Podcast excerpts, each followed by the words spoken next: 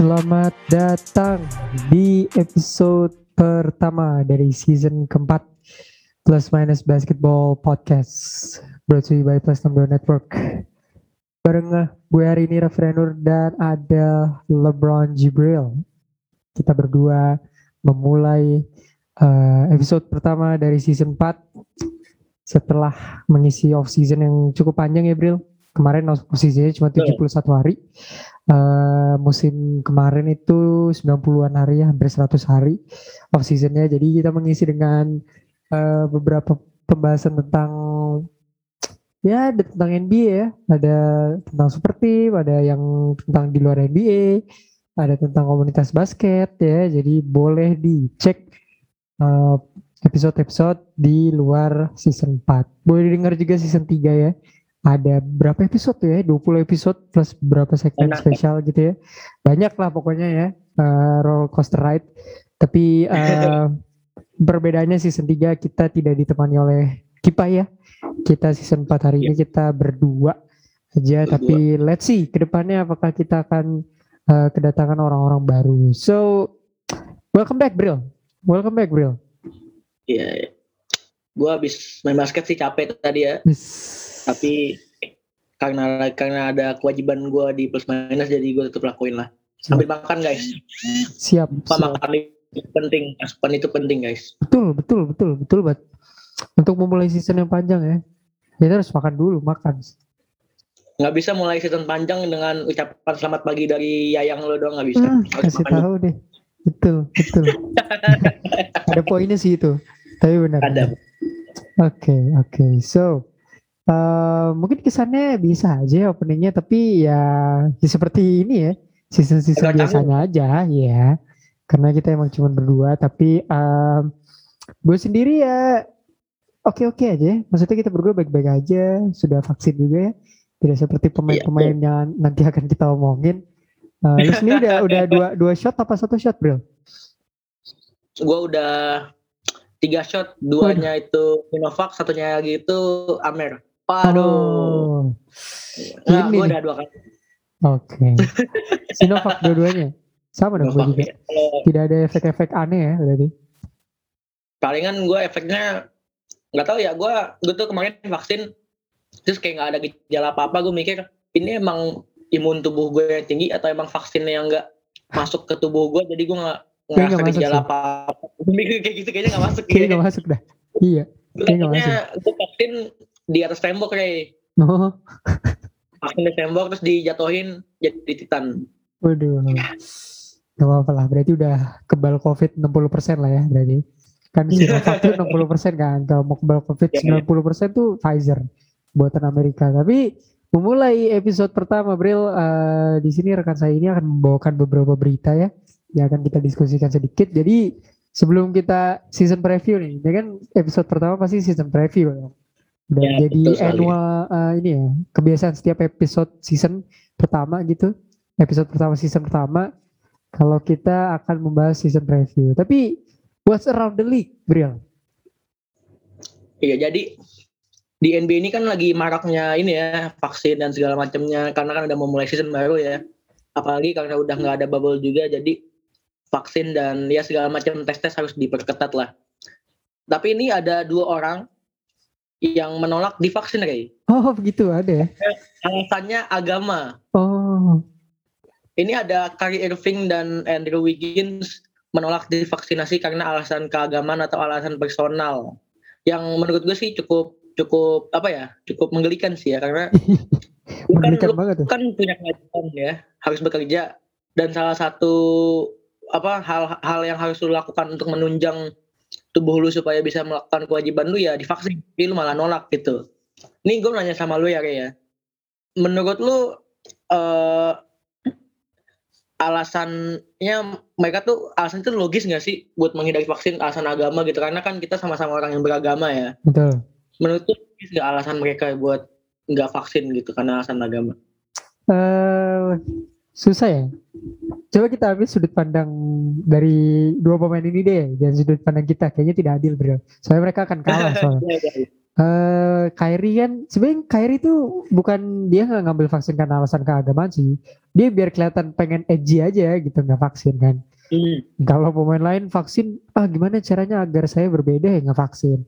Kalau Andrew Wiggins katanya alasan personal gue nggak tahu kenapa, tapi ya pasti dua-duanya itu bilang eh, kita tuh pemain punya eh, hak katanya atau hak pribadi untuk tidak vaksin gitu. Katanya begitu. Um, Hmm. Gue kira orang Indonesia doang loh kayak gini, ternyata orang Amerika juga kayak gini ya. Gak aneh gitu. Iya iya betul betul. Gue Iya, setuju gue setuju. gue ngeliat di kolom komennya apa ya NBA terus di score ya ESPN eh, NBA TNT ternyata Hmm. komennya juga mendukung. gue kira orang Indonesia doang yang yang nggak mau divaksin gara-gara alasan agama. Ternyata orang Amerika juga ya. Ada ada ada buzzer-buzzer kayak gininya. Tapi menurut gue sih sebenarnya gimana ya? Alasannya logis logis. Tapi eh, di antara orang orang-orang yang sudah vaksin itu kenapa mereka berdua nggak mau gitu mungkin kan Bradley Bill juga ya Bradley Bill Jonathan Isaac katanya buat apa sih vaksin kalau masih tetap COVID? Katanya begitu. Tapi ada beberapa Iya. jawaban pemain yang menurut gue cukup logis ya. Waktu itu Robin Lopez sih. Eh, seorang Robin Lopez ya. Sampai speak up dia bilang em, dia bi- bikin analogi apa ya? Kayaknya misalnya gini eh, lu pakai seat belt gitu di mobil. Eh, Iya, lu iya. bisa aja nggak pakai seat belt gitu. Tapi kalau mas pakai seat belt kan mengurangi resiko kecelakaan kata Robin Lopez begitu Hmm. jadi dia analoginya gitu tetap aja Bril di komen wah tidak bisa seperti itu ini kan hak kita untuk tidak vaksin katanya begitu jadi emang di Amerika itu kan emang ada kebebasan untuk berpendapat atau memilih gitu ya jadi agak susah Bril kadang- kalau di US berpendapat nggak ditangkap tengah malam ya? Enggak, kalau itu di negara di negara lain itu. Kalau di Amerika Serikat justru itu yang dijunjung kan. Jadi Iya, iya, iya. mereka mau eh, pidana atau menghukum itu susah. Soalnya eh, Betul, ya. kebebasan itu nomor satu di sana. Tapi menurut gue agak lucu sih ya. Kita dulu bilang menggelitik gitu, apalagi Kyrie Irving sama Andrew Wiggins. Tapi pada Iya, akhirnya ya mereka nggak boleh main kan away. Terus tetap ini juga Bril, tetap merasa dizolimi asik. Masalahnya kan dia Jadi mereka mereka salah, terus mereka playing victim ya gitu iya, ya gue tuh aneh gitu. Pemain kan nggak mau vaksin nih, hak pemain. Hmm. Nah liga juga punya hak dong buat pemain yang nggak Hmm. divaksin nggak main. Itu hak haknya liga dong. Tapi nggak Hmm. boleh gitu. Masa aneh ya?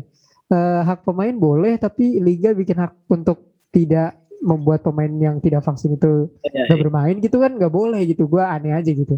Sebenarnya apa ya kebebasannya itu untuk pemain atau untuk liga atau untuk siapa itu gue gue bingung.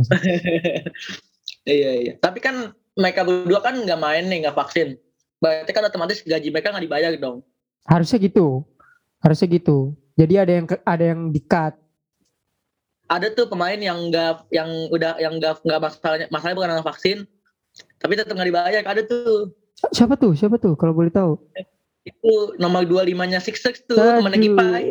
aduh aduh. Dia tuh kalau nggak gua nggak tahu ya. Dia tuh dia tuh speak up udah vaksin atau belum. Cuman di antara pemain lain problemnya vaksin dia tuh problemnya nggak pindah-pindah. Itu gue heran aja sih. Tapi eh, agak-agak problematik ya kalau balik ke vaksin tadi.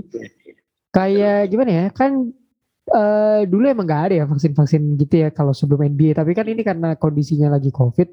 Jadi menurut gua ya sebenarnya wajar sih kalau lu harus vaksin. Olahraga olahraga, olahraga lain juga kan harus vaksin. Sepak Hmm. bola juga lu harus PCR sebelum vaksin ya. Terus lu vaksin untuk main gitu sebenarnya ya kalau ngomongin hak pribadi sih itu nggak bakal selesai ya Bril. Jadi mending lu ambil aja terus lu main. Toh ya, lu divaksin juga nggak kenapa-napa kan. Kecuali lu ambil Astra AstraZeneca gitu kan. Pusing-pusing dikit Hmm. paling kan. Itu mempengaruhi sih. Cuman agak bingung apalagi Bradley Bill ya. Dia agak bandel banget tuh. Dia bilang gue vaksin tapi masih kena covid so what's the point gue vaksin? Kata dia begitu. Dia belum ngerasain ya dia dia mungkin Astra AstraZeneca dia takut. Ya ya, problematik sih menurut gue mending sih vaksin. LeBron sih katanya udah vaksin.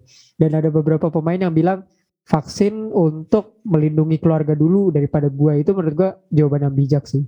Kayak pemain tuh seharusnya care sama kondisinya Carl Anthony Towns lah lu tau kan? Carl Anthony Towns tuh kehilangan ibunya keluarganya. Terus kolega lu nggak mau vaksin gitu. Padahal lu nya udah kehilangan banyak keluarga itu kan menurut gua nggak apa ya nggak bijak banget Jadi menurut gue agak problematik aja sih. Seharusnya sih vaksin, tapi uh, melihat dari sudut pandangnya anak-anak edgy ini sih, ya, ya terserah. Kita lihat aja lah Iya, nanti. Soalnya Kyrie Irving kan nggak boleh main di away game, nggak boleh main di luar New Mhm. York. Jadi agak costly untuk Brooklyn Nets sih nanti ke depannya. Iya ya. Ya.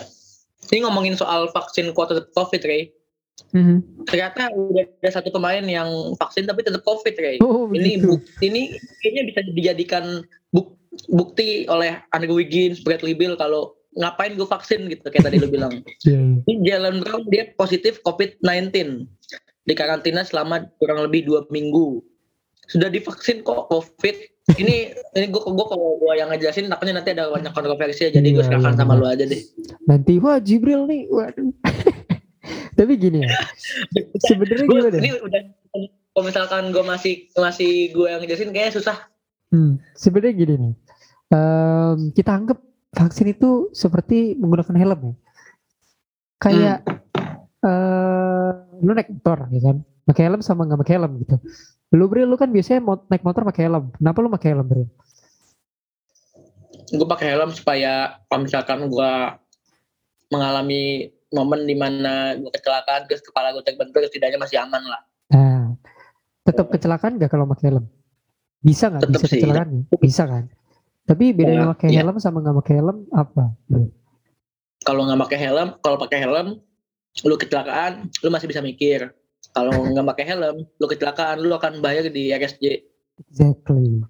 Itu dia. Kalau nggak lu mati ya lu di RSJ gitu aja deh pokoknya kalau lu exactly. Lu ke- vaksin memang masih kena COVID, tapi kan setidaknya tidak di Wisma Atlet Los Angeles kan, ada. iya kan?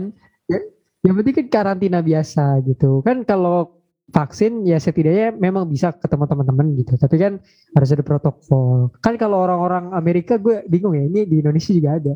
Bilangnya vaksin tapi kok masih kena COVID ya? Anda langsung buka masker soalnya. Pakai tetap pakai masker, tetap patuhin protokol. Jadi memang kurvanya kan udah turun ya kalau di Indonesia. Bahkan di Mm. 15 kota tuh udah udah nol kasus COVID. Itu berarti kan berhasil dong kalau pakai vaksin, kalau pakai pakai vaksin gitu kan. Tapi ya Mm. gitu. eh, lu ada data yang kuat gitu ya, data akurat kalau vaksin itu bisa menghentikan COVID. Malah tidak vaksin gitu. Kan lu memperburuk keadaan ya. Apalagi di NBA. Lu kemarin pas covid ngam- ngamuk-ngamuk kan gak mau di bubble. Sekarang lu ada lu ada cara untuk tidak kembali ke bubble malah lu nggak mau gitu. Itu gue agak-agak gemes sih. Tapi kalau soal Jalen Brown gue nggak tahu ya gue nggak follow IG-nya. Soalnya username-nya itu susah banget. Tapi kayaknya dia ketemu ketemu teman sih Bril. Ketemu teman-teman Ya, ya. kayaknya ada yang belum vaksin. Gue yakin banget pasti belum ada yang vaksin. Soalnya gue yakin lingkarannya Jalen Brown itu agak-agak lingkaran-lingkaran edgy kayak Kyrie Irving ya Hmm. jadi ya wajar sih dia kena. Tapi kalau lihat IG-nya Jalen Brown lagi, dia nggak dirawat tuh setahu gue. Jadi kan apa ya? Ya seenggaknya udah 60%, 40% tuh kena gitu. Ya memang tidak tidak ini, yang penting tuh tidak tidak dirawat tidak sakit covid biasanya gitu tapi masih tetap bisa kena covid asal protokol aja gitu boleh berkumpul kalau vaksin tapi ya ya begitulah kemarin gue juga tempo tempo hari itu ya eh ketemu teman tapi nggak dalam skala banyak loh Bril ngerti gak? Karena gue juga milih-milih gitu. Misalnya lima orang, Ya. ya udah gitu. Tapi kalau udah 10 orang, 15 orang ya kita mikir-mikir juga, right? Eh, kayak waktu Hmm. itu gue tuh setelah vaksin udah ketemu lu belum ya? Belum ya? Jadi ya memang kita eh gue sama Jibril nih juga rekamannya online kan. Kalau misalnya kita bisa Iya, rekaman offline, kita rekaman offline ya. Tapi ya udah, pada akhirnya kita Karena- rekaman online karena kita menghormati gitu orang-orang di sekitar kita. Terus kita lebih dewasa daripada Kyrie Aduh, udah, udah pemain ini kayaknya baru lahir kembali nih. Nggak Hmm. tahu gue ya. Sebenarnya sebenarnya kita tuh nggak nggak rekaman langsung. Pertama karena menghargai lingkungan, yang kedua studio kita juga cuma satu ya, jadi nggak punya cadangan studio lain. Bener ya. juga sih. Ya, jadi kalau ada yang mau input-input studio juga kita nggak masalah banget sih. Nggak masalah banget sih. Kom season 5 ya, season 5 punya studio baru lah insya Allah amin. Loh, ngapain lama-lama? Season ini aja. Oh siap siap siap siap. Siapa tahu ada yang mau Ya, input yang mau nge-DM gitu sponsor kan. di bawah boleh Betul. silakan ada linknya ya. Betul, untuk betul. Iya. iya.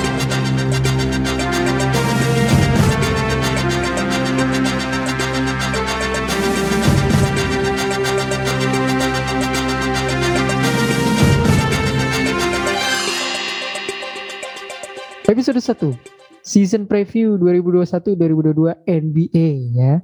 Uh, kita mulai dari biasanya kita mulainya dari wilayah barat ya Bril karena uh, apa ya conference terkuat sealam semesta. Tapi karena yang juara kemarin Milwaukee Bucks jadi kita kasih kesempatan untuk uh, wilayah timur dibahas duluan gitu ya. Uh, kita mulai dari juara bertahan Milwaukee Bucks.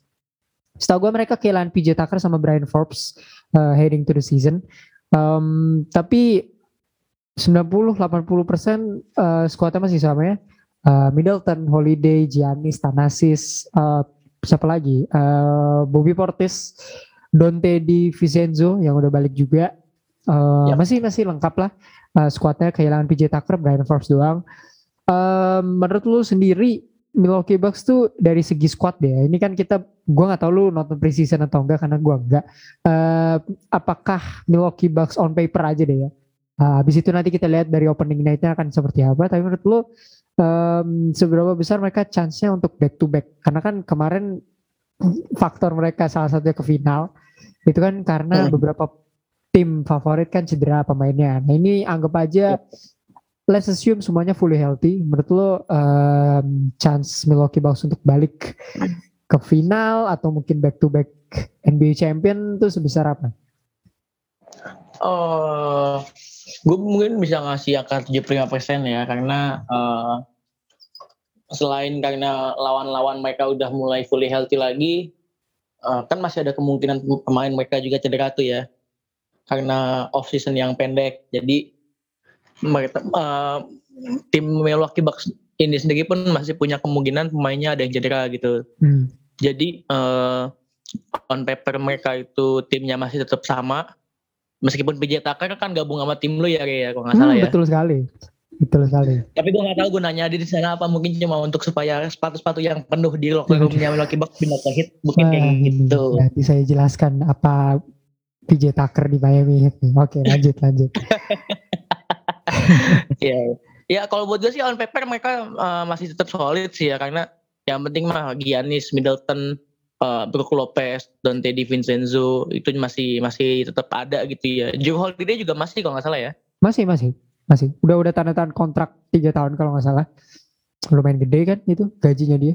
Ya 75 persen lah mereka bisa back to back atau setidaknya masuk kan mereka masuk ke Giannis masuk ke NBA Final sudah nih tinggal kalau misalkan dia bisa juara lagi ya berarti e, era 2020-an ini ya eranya dia udah wis Uh, world statement sekali ya. Eranya dia. Oh. Pertama kalinya pemain non Amerika menguasai sebuah era gitu. Kalau yang lalu-lalu kan LeBron James, Kobe Bryant, Michael Jordan, true, true. Magic Johnson, Larry Bird, Will Chamberlain, Karim Abdul-Jabbar. Hmm. Tiba-tiba ada ada orang yang berbeda ras gitu ya. Gue takutnya sih orang-orang yang di Amerika kan masih banyak terkasih-kasisan nih. Gue takutnya pada nggak senang aja gitu. Siapa ini pemain Eropa yang betul, betul. menguasai basket negara kita? Kurang lebih seperti itulah. Tapi ya makanya uh, semangat lah ya buat Milwaukee Bucks ya. Gue nggak gue bukan mendukung kalian tapi kalau kalian bisa juara lagi ya ya untungnya buat lulu pada lah. Gak ada nggak ada untungnya buat gue hmm. lu juara tapi ya ya sudah pokoknya syarat lah untuk Milwaukee Bucks. Yap yap um, well mereka kayak PJ Tucker, Brian Forbes tapi gue gak tahu ya siapa yang di trade ke Milwaukee atau ada ke pemain penting tapi setahu gue Dante Di Vincenzo udah balik setelah dia cedera sebelum playoffs.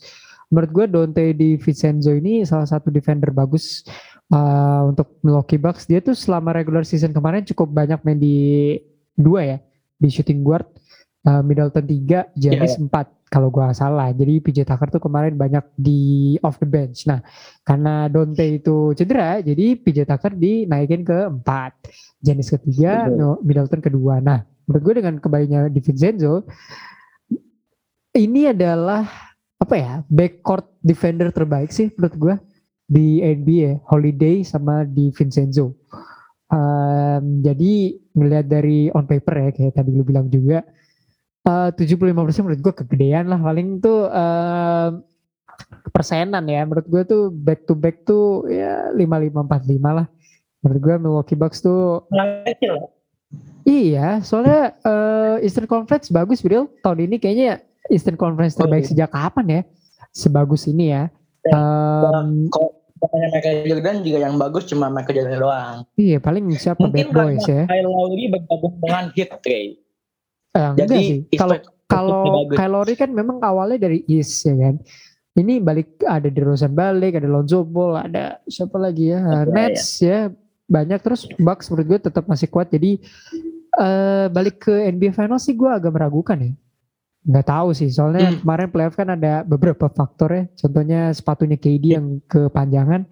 Tapi em, menurut gue sih East Final lah, East Final tetap sih. Gue akan gue akan pede Bucks. Ini sebelum ini kan early prediction ya. Menurut gue early prediction sih Bucks tetap masuk uh, East Final lah. Lawannya siapa? Mungkin Nets atau Heat tapi menurut gue tetap lah. Mereka kita nggak bisa rule out back uh, ini kan uh, reigning champions kan. Kecuali Toronto Raptors tiba-tiba hilang Kawhi Leonard baru kita nggak usah dukung gitu. Tapi kalau kalau Bucks sih nggak banyak yang berubah. Pemain pentingnya juga masih sama jadi Hmm. still hoping them untuk ke East Final, East Iya, Final ya. Kalau NBA Finals gue agak ragu. Em, tadi gue udah nyebut Nets. Wah ini kita udah sempet collab ya sama Melas Podcast tuh di podcastnya dia kita ngebahas Nets. Sebenarnya tidak ada yang perlu dibahas juga sih. Maksudnya banyak isu juga, tapi banyak pemain juga nih Bril yang masuk ya. Ada Patty Mills, Paul Millsap, Lamarcus Aldridge. Eh, ada juga yang kemarin tuh rookie, rookie baru Cam Thomas namanya tuh preseason ya. Dia bagus banget. Iya, iya. Terus siapa lagi Bril? Eh, yang masuk? Hmm, Patty Mills, Paul Patty Millsap, Mills, Paul Millsap. pemain yang pemain dengan nama besar kayaknya tiga ini doang sih ya kayaknya. ya. Aldridge Iya. juga kan awalnya pensiun. Hmm, punya Karena punya nama sih mereka. Kehilangan DeAndre Jordan ya, Dinwiddie juga tuh ya. Um, well, tapi topiknya kan pasti tentang Harden, Irving sama Duren, udah pasti dong. Iya, iya. Menurut lu eh, Harden tahun kemarin agak off ya karena masalah di Houston, terus dia cedera hamstring di playoffs. Going into this season pasti lebih bugar. Kemarin gue ngeliat media day-nya dia banyak senyum-senyum gitu ya. Seneng banget kayaknya menuju musim baru. Tapi menurut lu tiga trio ini tetap akan menjadi pembeda gak? Soalnya kan kita udah episode lalu udah bahas ya. Termasuk kata Kipai juga Brooklyn Nets ini jalan di atas kaca. Nah menurut lu seberapa tebal kacanya sekarang tuh? Apakah udah masih Oh. masih jalannya masih bisa pecah atau sekarang kayak udah lebih solid gitu? Sebenarnya eh, mereka ini kayak Squid Game sih ya kalau menurut gue ya. Ada dua kaca yang kaca tebal yang lagi kaca tipis. Mereka harus berhati-hati eh, memilih kaca yang benar gitu. Ibaratnya gitu ya. Buat yang nggak nonton Squid Game mending nonton ya daripada lu bingung dengan omongan apa. Ini buat penonton kita ya, pendengar kita mendingan nonton Squid Game dulu ya. Biar ngerti apa yang gue omongin gitu. Jadi, ya kan udah gue bahas ya. Ya kan udah, udah kita bahas di news kayak Irving itu dia gak bisa main away games.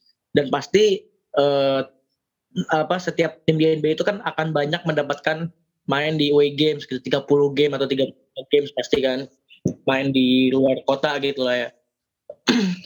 Jadi eh sebenarnya bukan masalah kacanya le- lebih tebal atau lebih tipis tapi mereka tuh apa ada dua jalan yang harus mereka pilih tapi harus dengan benar nggak bisa sembarangan milih gitu. Nggak bisa dengan eh kayak musim lalu lah main mainin Harden doang karena mainin Harden supaya offense-nya ada tapi defense-nya kecolongan karena dia nggak bisa lari kan.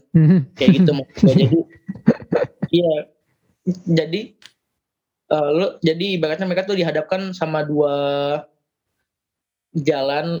Yang satu jalannya itu bisa mensupport mereka dengan baik yang satu lagi jalan ini malah bikin mereka makin jatuh jatuh jatuh jadi malah bikin gagal gitu. Tapi ini masih belum ketahuan nih yang mana jalan yang bikin sukses yang mana jalan yang bikin gagal. Dan itu buat menurut gue adalah tugas mereka untuk mendiskusikan gimana untuk season eh, yang berikutnya ya season 2021 2021 2022 mereka bisa ya setidaknya Kevin Durant kalau nggak stepnya lebih jauh sepatu dipendekin gitu kan Hmm, kayak Cinderella gitu betul. ya best of luck aja sih tapi kalau misalkan kayak Irving masih belum mau vaksin ya susah juga sih ya Menurut lu Susah. akan apa ya?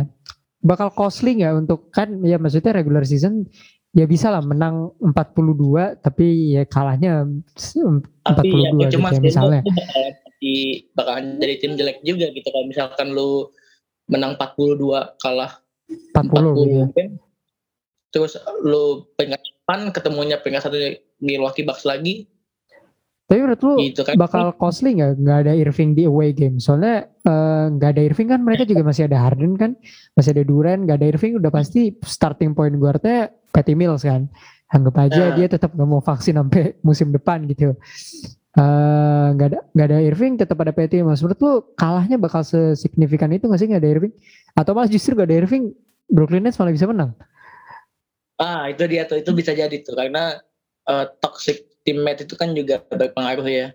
Makanya gue nggak mau main basket di circle orang-orang toxic. Yes. Uh, uh, kalau misalkan secara skill Patty Mills sama Kyrie Irving jelas kalah ya. Meskipun sama-sama pernah juara, tapi kan kalau secara personal skill kan beda gitu, udah kelihatan jelas. Tapi kalau Eh, toksiknya Kyrie ini justru malah bikin Nets yang jatuh nih selama apa musim lalu ya. Musim lalu toksiknya Kyrie ini yang bikin Nets jatuh. Dan kalau emang itu benar berarti ketidakhadiran Kyrie di Nets musim ini justru bisa jadi uh, kayak batu pijakan lah untuk Nets buat naik terus gitu dan lagi kan uh, ya benar sih maksudnya nggak harus selalu ngandalin Patty Mills gitu. Mereka main James Harden kan juga bisa main nomor satu gitu kan. Oh iya benar juga sih. Jadi uh, kalau misalkan emang benar tanpa kayak mereka bisa tetap jalan ya itu oke okay sih nggak apa nggak apa-apa. Uh, kecuali kalau di playoff ya kalau di playoff kan udah si game serius ya meskipun emang Mills punya banyak pengalaman di playoff karena di Spurs dia playoff mulu cuma kalah Terus Spurs nggak masuk playoff gagal si DeRozan tuh bangsat emang dong. Kasian banget. Jadi, jadi scapegoat. Tapi eh uh, lu tuh golongan yang tetap kekeh Brooklyn Nets tetap ke final atau enggak? Oh, kalau I kalau ini udah musim kedua berarti. Musim kedua sejak kedatangannya Harden kan. Jadi ini musim kedua hmm. yang trio trio badut ini. Yeah. Jadi menurut lu tetap ke uh, uh, kalau conference finals bisa dapet. Kalau eh, NBA finals mungkin belum tahu ya karena kalau misalkan mereka ke conference finals pasti berhadapannya kalau nggak Bucks ya Heat atau tim-tim lain apa Celtics Celtics juga ada jelek sih sekarang. Jadi uh, kalau Kyrie Irving masih ya oh ya balik ke masalah si Kyrie Irving lagi sih kalau misalkan emang dia benar-benar nggak mau vaksin dan ternyata ketidakhadiran dia malah bikin nerves turun ya lu harus harus bisa maksa Kyrie Irving buat vaksin gitu. Hmm. Oke okay, oke, okay. tapi kalau misalnya tanpa dia juga bisa menang banyak ya, ya nggak masalah juga yeah. kan, gitu kan. Apalagi lu bilang tadi Harden bisa main yeah. di PG, berarti Joe Harris start di dua kan, ini nggak masalah juga yeah. gitu. Jadi menurut gue Uh, eh, gue udah lama banget nggak ngeliat Duran sama Harden cuman berdua gitu ya. Kayaknya mereka nggak pernah yang bener-bener two man show gitu ya. Selalu paling selalu ada point guard yang agak mengganggu kan.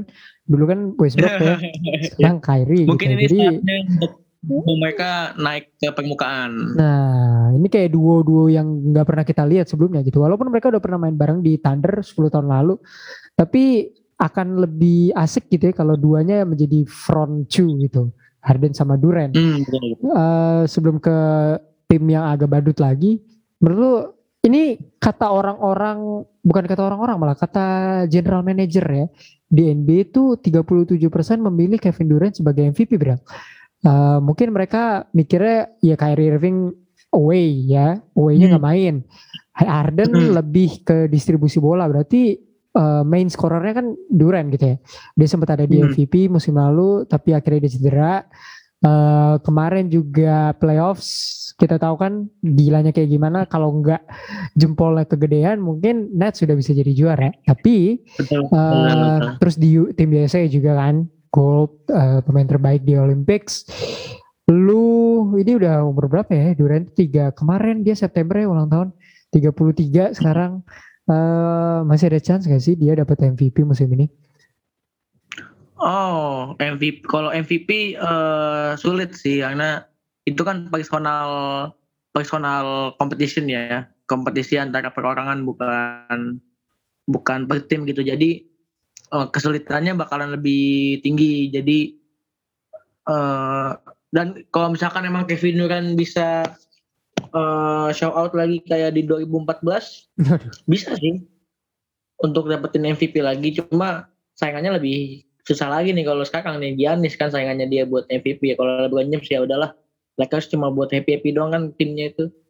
Tim senang senang aja lah. Tim senang senang. Jadi, bersaing dengan uh, dua jadi Kevin Durant kalau misalkan mau MVP musim ini dia harus bersaing dengan orang yang sudah dua kali mendapatkan MVP jadi ibaratnya lu tuh sebagai senior baru dapat satu kali MVP lu bersaing sama junior lu yang udah dua kali MVP sakit banget sakit banget kayaknya ya. Mm-hmm. jangan kan jangan kan bersaing buat MVP deh bersaing buat dapetin pacar aja susah. Aduh. Cepet-cepet suka yang tapi ceweknya lebih semilih sama junior lu tuh kayak aduh hmm. Kayaknya ini kayaknya musim ini bukan ini bakalan banyak tekanan batin sih ya menurut gue ya. Tekanan apa beban beban beban MVP segala macem. Oh, udah gitu gue justru malah ini dia malah akan lebih rileks sih musim ini karena dia udah sempet banyak buka-bukaan di media kan dibilang kalau ah oh, gue udah gue udah males lah sama media kayak ya udah gue main-main aja gitu jadi menurut gue dia akan lebih rileks sih musim ini nggak tahu feeling hmm. jadi ngeliat mungkin 37% tuh agak kegedean ya. Untuk persentase Duren di peringkat pertama umurnya udah 33 tahun tapi dia kan bukan LeBron James ya. Tapi hmm. hmm, hmm. ngeliat musim lalu sih kayaknya Kevin Durant still Kevin Durant lah. Despite uh, apa yang tadi kita omongin menurut gue mungkin 37% kegedean dan mungkin dia gue gak akan naruh di posisi pertama bursa MVP lu tahu kan gue naruh siapa di pertama hmm, tapi definitely top 3 sih asal dia main di regular season lebih banyak sih kemarin kan cuma 32 game doang ya maksudnya 32 game jadi MVP hmm. kan gak mungkin banget asal dia main lebih lama uh, udah pasti gak ada Kyrie beban scoringnya banyakkan di dia jadi hmm. mungkin mungkin 27 28 poin per game tuh bisa dia dapetin sih menurut gue ya. Minimal hmm. 26, minimal 26. Soalnya dia kan pure scorer.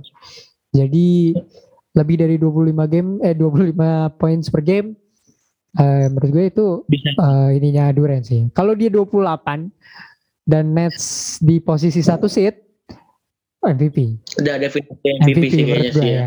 Soalnya biasanya yeah, kan kayak yeah. gitu ya. Uh, pemain terbaik oh. adalah dia yang ada di tim terbaik. Jadi kalau 28 points terus seat 1 atau seat 2 deh kayak musim lalu. Tapi mainnya jangan 32 game juga, Pak. Main 60 70 game gitu. Kalau 32 game ya enggak enggak bisa. 32 game tuh bolosnya udah bolosnya udah di atas 50% tuh ya tuh kalau iya, di itu. kampus kita. Wow, DO itu. Oh, gak bisa itu. Atau gak boleh itu. Ngajuin surat cuti dia. 250 ribu. Oke, okay, itu Nets. Tapi soal prediksi seat nanti ya seperti biasa di episode eh di musim lalu kita seatnya terakhir. Um, tapi ya pede lah ya top 3 seat. Bucks Nets Betul. itu yang kuat kemarin. Uh, Bucks tuh seat 3, Nets seat 2. Ini ada seat 1 Bril musim lalu yang agak hmm. problematik nih di off season ini. Uh, Philly ya, Philadelphia 76ers.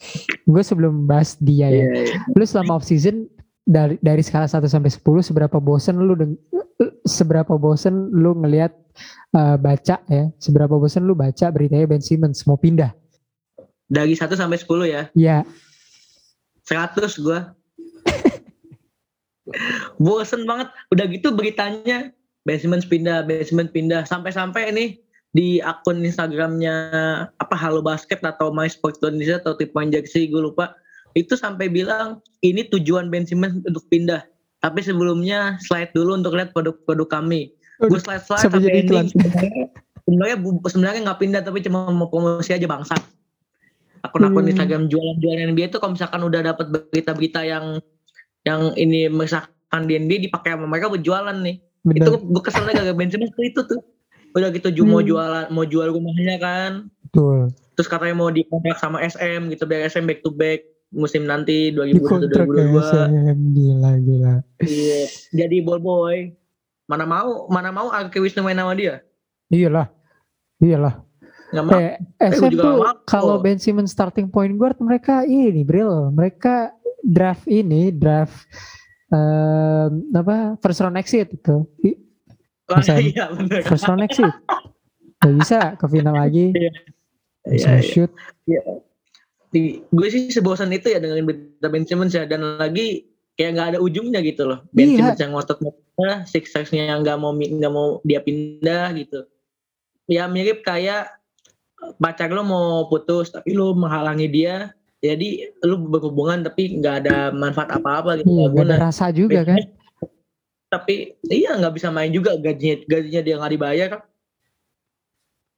Maka itu Bener, dia bener. sih yang yang bikin gue gue jadi gue malah melakukan Ben Simmons bakalan terus di basket sih. Oh, Gak tau dia mau pilih ternak lele atau budidaya kaktus lele. atau gimana Ternak lele Benny ya. Bung Benny. Hanya. ya. Ternak lele Bung Benny cabang Philly ya. Oke, oke. Soalnya banyak yang nawar juga sih, kayak Pacers ya, Blazers, eh siapa lagi ya? Kayak cuma dua tim itu deh yang berani nawar ke Ben Simmons ya. Nggak banyak, Tim-tim yang menawarin dia ada. apa tuh? Tim-tim bodoh yang nawarin dia buat main di tim mereka ada.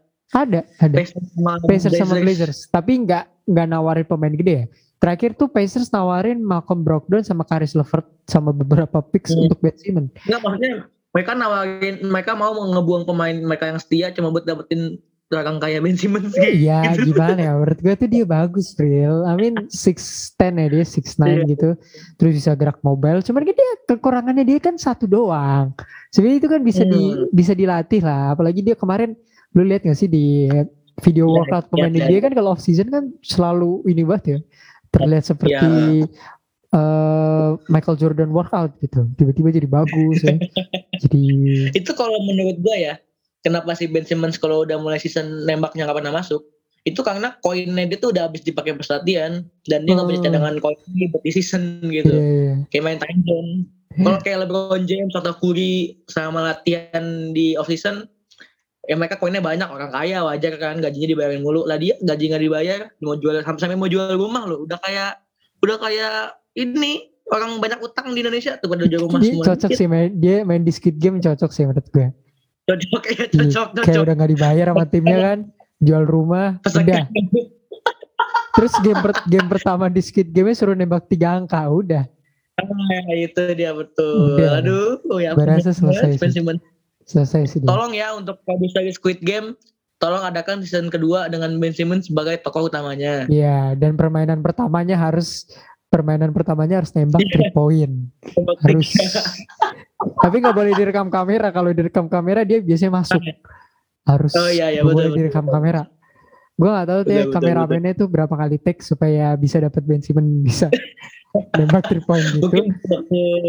setahun kayaknya sih kalau buat gue ya. Cuma buat Hmm. tap tapi keren sih dia work, workout dia tuh gue gue suka gitu ngeliat Ben setiap off season tuh kayaknya akan menyiapkan peluru yang banyak gitu ya. Ya masuk Iya, regular iya. season ternyata peluru air. Gak jelas ya. Tapi Hmm. eh, menurut lu eh, dia ya tadi tadi lu bilang kan bakal pensiun menurut gue itu agak terlalu kasar untuk Ben Simmons ya. Oh, iya. Maksudnya dia bukan Oke. bench warmer lah, bukan anggap aja dia bertahan real di NBA. Tapi menurut lu dia Hmm, akan dia situasinya bakal kayak Jimmy Butler gak sih? Di Wolves kan sempat berantem juga ya sama Timberwolves terus Harden kemarin deh nggak usah jauh-jauh. Dia Hmm, tetap akan pada akhirnya dia akan cabut atau dia bakal kayak makan gaji buta gitu. Makan gaji buta main Zuma gitu ya. Di laptop. dia bakal Kalau tetap ya? Kalau buat gue karena Jimmy Butler kan sebenarnya kan dia, dia emang pengen pindah dan manajernya udah pengen pindah cuma coach eh, Tom Thibodeau-nya ini belum pengen Jimmy Butler pindah karena dengan adanya Jimmy Butler Timberwolves jadi naik gitu. Tapi akhirnya kata pelatihnya kata si Tom Thibodeau ini ya udah biarin dia pindah lah ganti sama Robert Covington. Jadi modal kan Timberwolves tuh. Kalau dia nih kayaknya bakalan makan gaji buta sih kalau menurut gue ya karena karena ya maksudnya tadi Pacers sama Blazers nawarin ada tim yang dengan sukarela ya dari sini gue ambil aja deh nggak apa deh buat gue deh daripada Pacers dia nggak main. Bisa masih tetap apa manajemen Sixers masih tetap nggak terima siapa? Nama GM-nya Sam Hinkie Sam Hinkie mana pindah. Oh Daryl Morey kayaknya. Eh bukan Daryl Daryl Morey udah ke Rockets dong. Eh iya iya Daryl Morey ya. Philade- Philadelphia tuh GM-nya ownernya Daryl Morey deh kalau nggak salah.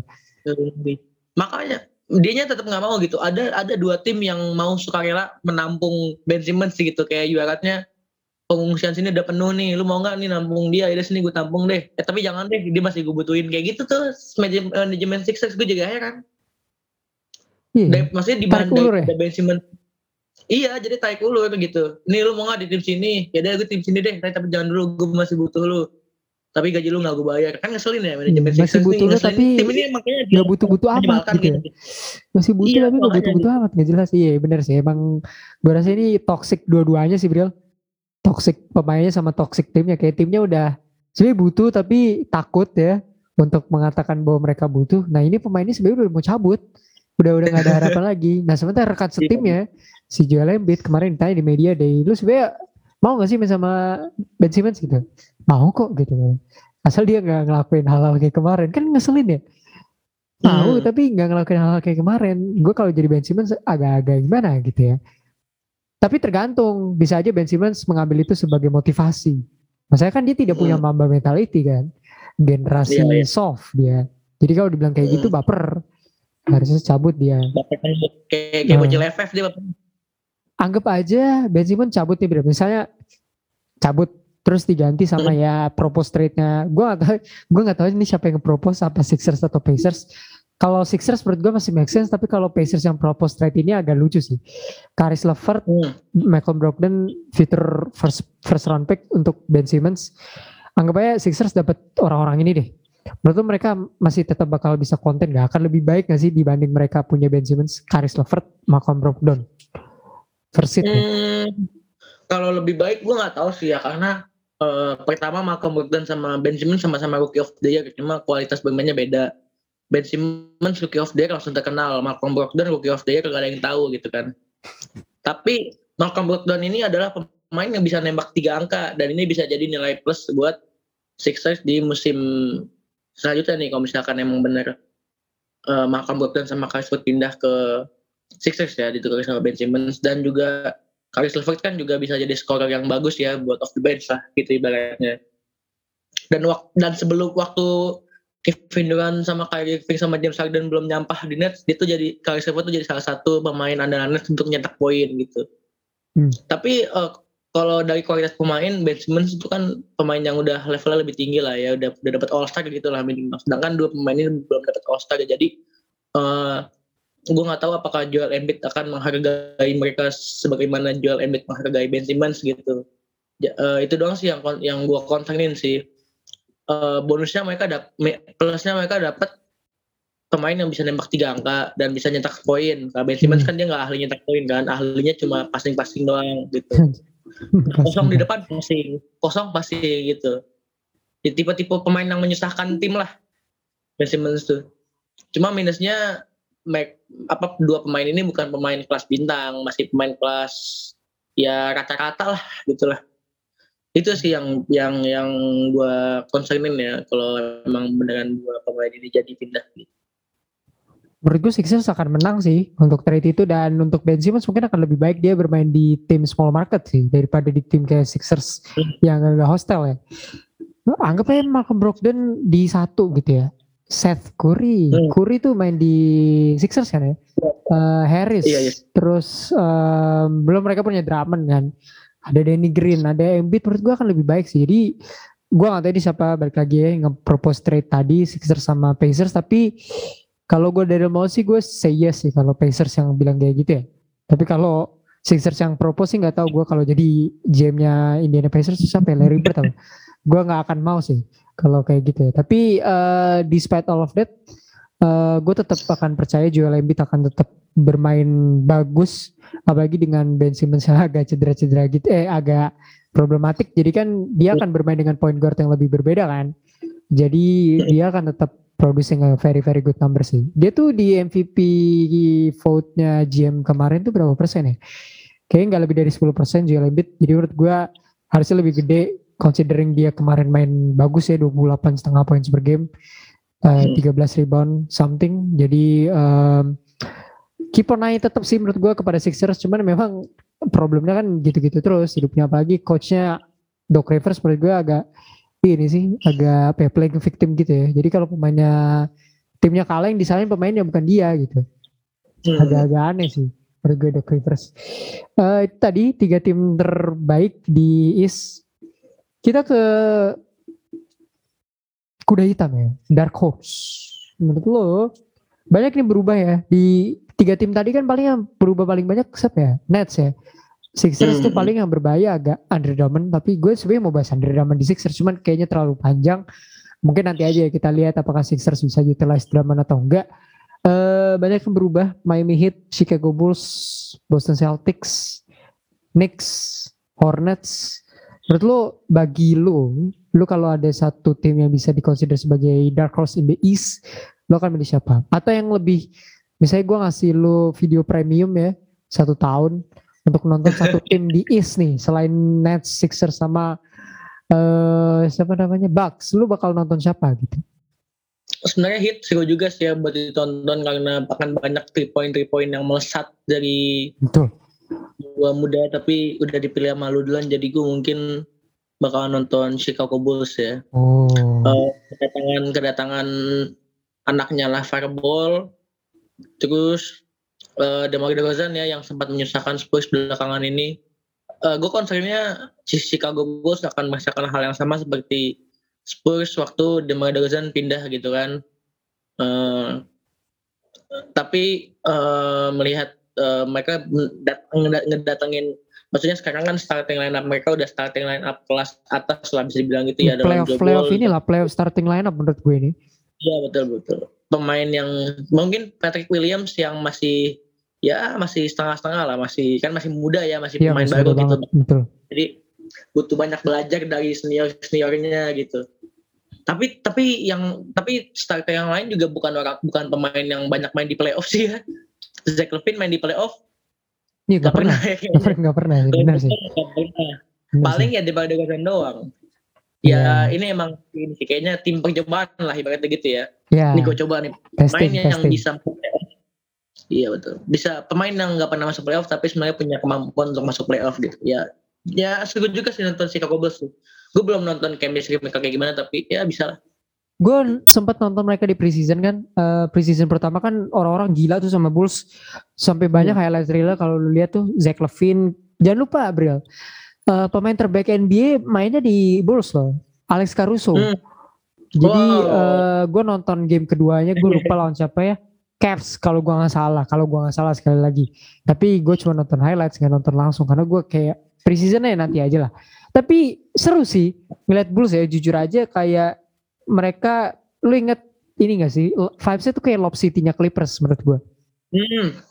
Kayak banyak terbang-terbang dan segala macem. Zach Levine, Caruso, Ball, DeMar DeRozan kan dunker dunker dunker yang cukup oke okay lah di NBA apalagi Zach Levine two times slam dunk champion ya.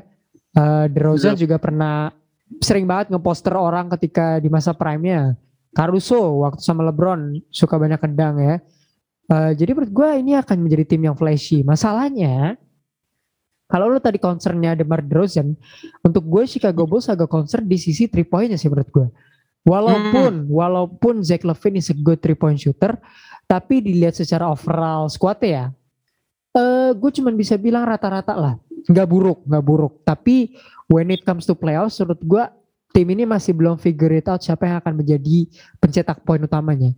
Karena despite lu bilang di Rosen agak menyusahkan, sebagai scorer menurut gue is, is a very decent player gitu. Bahkan di musim lalu kalau nggak salah Kipai deh yang sempat nyebutin DeMar DeRozan untuk honorable mention All Star-nya dia. Jadi dia punya musim yang bagus ketika awal musimnya. Memang DeRozan nih penyakitnya emang ketika menuju playoff dia agak agak aneh gitu. Di awal musimnya dia suka panas gitu. Itu itu DeRozan banget. Tapi gue ngeliat tim ini memang masih apa ya, masih flashy gitu kesannya. Tapi directionnya ketika game-game penentu itu bakal loss sih menurut gue ya.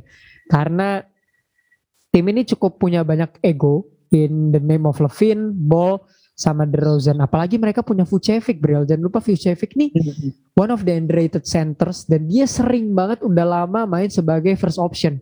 Nah gue nggak tahu nanti si coach siapa sih coachnya Bulls Billy Donovan atau siapa gue lupa ya masih masih muda gitu akan menempatkan Vucevic sebagai uh, scorer keberapa? Saya scorer pertama udah pasti Zach Levine kan. Nah, scorer kedua ini siapa? DeRozan apa Vucevic? Karena menurut gue Vucevic kalau ditaruh di scorer nomor tiga nggak cocok. Soalnya kan dia Hmm. scorer big man scorer kan. Dia nggak fokus ke rebound, dia nggak fokus ke ke perimeter atau inside defending. Dia dia scorer big man. Jadi menurut gue second option dan DeMar DeRozan karena dia nggak bisa three point.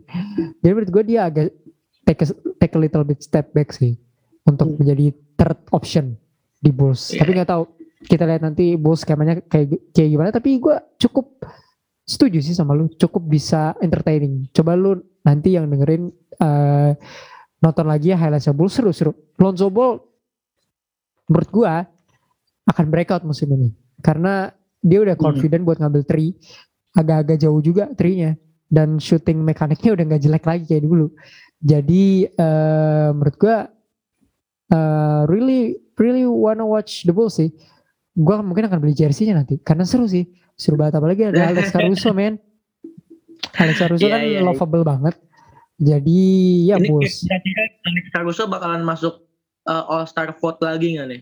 All Star vote jelas, jelas, jelas bakal tetap masuk. Yo. Tapi All Star ini nggak tahu. Siapa tahu bisa, tapi nggak tahu.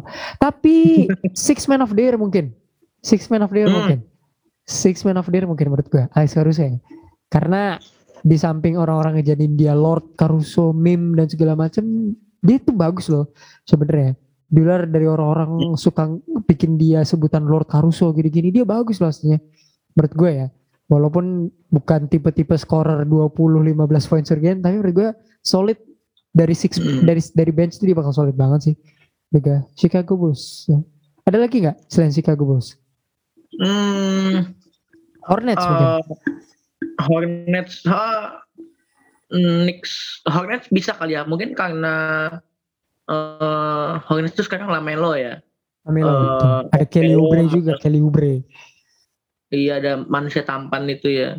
Hmm, gue sih akan uh, ngeliat gimana perkembangan Knicks setelah mendapatkan Kemba Walker oke sama Atlanta Hawks balik lagi ke, ke Eastern Conference Final. Karena Atlanta Hawks kan kemarin udah mulai break, udah bisa break out ya, maksudnya selama dari kedatangannya Trey Young di 2019 sama 2020 2020 nggak masuk playoff, terus tiba-tiba Eastern Conference Final di musim ketiganya bersama Trey Young gitu. Apakah apakah musim keempat ini bersama Trey Young mereka akan masuk playoff lagi atau justru malah nggak masuk gitu kan? Ini bisa eh jadi jadi jadi bahasan yang menarik lah buat di buat dipatangin lah ya buat buat selama musim 2021 2022 yang berjalan lah. Hmm, hmm. Knicks sama Atlanta Hawks sih kalau buat gue ya. Oke, next ya gua ng- karena pengalaman musim lalu ya. Jadi kayaknya next nanti dulu ya. Gua akan lihat 10 game Ini- pertama. Kira-kira kira-kira Knicks di musim ini kita masukin ke maybe next year atau Oh enggak, gimana? enggak nih? jelas jelas. Menurut gua harusnya lebih tinggi tapi mungkin Ah, iya, iya. Dark Horse ya Bril. Dark Horse itu udah, udah paling bagus menurut gua. Dia nggak jel- Iya, sejelek itu. Cuman gua nggak bisa bilang mereka sebagus itu lah. Menurut gua Kemba Walker bukan franchise yang pemain yang akan mengubah sebuah franchise tapi Kemba kalau udah main di New York tuh beda. Ada ada julukannya tuh dia cardiac Kemba ya. Jadi eh, Hmm. menurut gua he will he will be a good eh they will they will be a good team tapi persaingan 78 lah 678 mungkin gue bisa salah ya tapi on paper sih 678 sih 678 type of seat lah untuk New York menurut gue mereka akan balik ke playoffs possibly dengan ada Kemba Randall juga lebih fit ya musim ini. Quickly belum Derrick Rose eh, salah satu favorit orang-orang untuk menang Six Man of the Year. Jadi menurut gue masih dark horse playoff contender team. Tapi Bisa, bisa. untuk mereka balik ke seat 4 sih menurut gue nggak mungkin sih. Jadi eh hmm, enggak lah nggak dulu Bisa deh. ya, nggak dulu deh. Bertarung 5 atau 6 lah. Ya 7 lah paling banter. 6 7 8 benar gue udah udah paling make sense. Kalau di atas itu sih jelas Miami Heat ya. Eh menurut gue gue tuh terakhir kali memulai musim dengan optimis itu terakhir kapan ya? udah lama banget di eranya LeBron deh. Gue tuh nggak pernah Hmm. memulai musim seoptimis gini. Eh menurut gue top 3 seed sih bisa loh Miami Heat karena ngeliat dari Hmm. squadnya terus eh mungkin masalah ya. Kalau ngomongin masalah sih sama kayak dulu menurut gue big man. Tapi ada satu big man di Miami namanya Omer Yurtseven lo harus lihat highlightsnya. Hmm. kalau coach Spo itu tidak terlalu suka small ball gitu ya dia kan udah small ball addict banget ya udah nggak bagus untuk kesehatan dia. Menurut gue coba cobain si Yurtseven ini deh soalnya dia bagus banget gitu. Eh gue gak bisa ceritain tipe pemain kayak apa. Dia cuman untuk menjadi pemain center dengan tingginya yang tujuh kaki eh menurut gue dia bisa harus bisa diutilize dengan baik karena gue nggak pede men. Bam Adebayo main di center ya. Jadi cobain si Omar Yurtseven main di center sih. Soalnya dia bisa di develop menjadi center yang baik gitu. Coba lu cari ya Bril. Eh, kalau nanti mungkin habis rekaman. Eh ini pemain kalau diutilize dengan baik tuh one of the best center loh bisa. Mirip gue. Takovol ya. Kira-kira ya. enggak Tak- Takovol tuh Takovol tuh jelek enggak enggak. Eh dia tuh kayak siapa ya? Kayak Enes Ken bukan bukan. Lu tahu salah Mejri nggak? Tahu salah Mejri nggak? Salah Mejri nah itu kayak Iya, gitu iya, tapi better gitu. Menurut gua eh, Hmm. bisa lah untuk di- dijadikan starting lineup gitu. Coba gitu karena gua nggak pede Bam Adebayo main di lima gitu. Dia mungkin seven man atau eight man lah maksudnya iya eh, iya. call player yang net bermain 10 atau 9 menit. iya per 15 game menit juga gitu. gua nggak masalah untuk untuk jadi apa ya ngisi kekosongan ketika Bam Adebayo itu nggak ada sih. Soalnya gue bener Iya, deh, gue nggak pede deh. Bam Adebayo main di center, dia bagus banget main di empat gitu. Belum lagi ada PJ Tucker Hmm. kan. Kalau lu tadi nanya PJ Tucker gunanya apa ya di Milwaukee Bucks ada gunanya dia tuh defend. Kemarin lu jangan lupa yang jaga Kevin Durant entire series tuh kan Iya, iya. Giannis tapi PJ Tucker. Dia tuh kasihan banget di setiap playoffnya dia tuh selalu dihadapkan kepada matchup yang sangat sulit gitu. Pas di Rockets dia disuruh jadi center ya. Lawan-lawannya tujuh kaki dia enam setengah gitu. Terus di kemarin lawannya Kevin Durant tujuh kaki juga kan. Dia cuma enam setengah. Jadi menurut gue Hmm. PJ Tucker bisa diutilize both ways. Dia knockdown threes yang bagus ya. Dia kalau udah di pojok corner threes tuh udah pasti masuk otomatis. Gue gak tau Victor Oladipo belum main lagi tapi pede lah gue sama tim ini. Pede banget gue. Eh entertaining juga. Kalau ada pemain lagi mungkin jadi sa, sa- squad speed and three yang bagus ya. Speed Iya. playernya ada, three, three point shooternya ada, ada Defense-nya juga Ya, ada. Defense-nya juga ada. defense Jimmy, Jimmy itu tetap gua rasa dia akan di dia akan diutilize sebagai 3 and D player ya. Instead menjadi Hmm. main scorer, Kyle Lowry akan facilitating jelas. Tyler Hero man. Di preseason dia Ah. udah 3 game tuh 26, 26, 24 atau gua 26, 24, 26 poin. Berarti dia akan balik seperti dia di bubble sih. Dia butuh confident aja sih. Gua nggak tahu apakah Spo akan memasang Duncan atau Hero jadi starting lineup. Soalnya kan tinggal dipilih gitu ya. Eh, di shooting guard tuh lu mau masukin Oladipo, Duncan atau Hero tuh tinggal milih aja gitu. Dan itu yang gue suka sih. Bench depth-nya tuh dalam, Bril. Jadi eh, mau Oladipo, Oladipo kan yang paling sakit-sakitan di hit kan Oladipo ya. Jadi anggap aja Oladipo nggak ada, lo masih punya Duncan Robinson atau Tyler Hero. Udah pasti lo mainin Jimmy Butler di small forward. Belum lagi ada PJ Tucker ya. Markif Morris man. Gue sampai lupa kalau pemain itu ada di hit. Dia punya Markif Morris saya gue udah senang. Jadi lima kalau nggak menang di atas 45 sih gue kecewa sih. Di atas 45 game sih gue kecewa ya. Gue suka tim ini. Mungkin dari segi apa ya? Kalau lu bandingin sama Lakers ya on paper atau Nets atau Bucks atau Clippers, Warriors, memang nggak nggak terlalu fancy lah. Tapi kalau lihat lagi ya, lu lihat tiga kali deh tim ini sekali, dua kali, tiga kali lu buka gitu ya, serem, serem, jujur aja gitu. Gue gue makanya gue gue bilang season pertama sejak ya, LeBron James mungkin gue gue seneng jadi fans Miami gitu. Eh, kayak optimis gitu. Kemarin optimis tapi nggak nggak seoptimis itu. Jadi gue kalau ditanya hit ke final nggak menurut lu? Gue bilang iya gitu. 90% iya gitu. Soalnya senang banget gue ngeliatnya. Kayak Lowry kan agak-agak curang gitu ya orangnya. Agak-agak bisa memanfaatkan peluang. Jadi menurut gue hit sih. Oke. Oke banget. Kalau nggak 45 game menang ya regular season gue kecewa sih. So ini tim bagus banget. Eh Atlanta Hawks oke. Menurut gue tetap oke gitu ya. Tapi em, gimana ya gue tuh kalau sama Hawks karena gue udah skeptis sama Treyong Tapi perebutan menurut gue perebutan seat 3 sampai ke bawah di East tuh akan wah ini cakar-cakaran banget sih Bril. Bunuh-bunuhan malah menurut gue di regular season. Aduh. Kayak Game banyak. banget ya. Banyak men, banyak banget. Tadi udah begitu udah nyebutin berapa timnya? Itu lima di luar tiga besar yang tadi kita sebutin tuh lima, eh, delapan. Belum lagi Hornets ya, belum lagi Wizard enggak sih? Bercanda. Pacers ya kan? Pacers sih menurut gue bakal ya tetap menjadi Pacers lah ya. Mereka nggak ada perubahan lebih. Wizard oke lah. Piston sih menurutku Piston oke lah. Oke gitu maksudnya nggak nggak nggak nggak playoff oke ya, tapi oke sih sleeper sleeper gitu tuh menurut gue oke sih. Oke sih. Oke.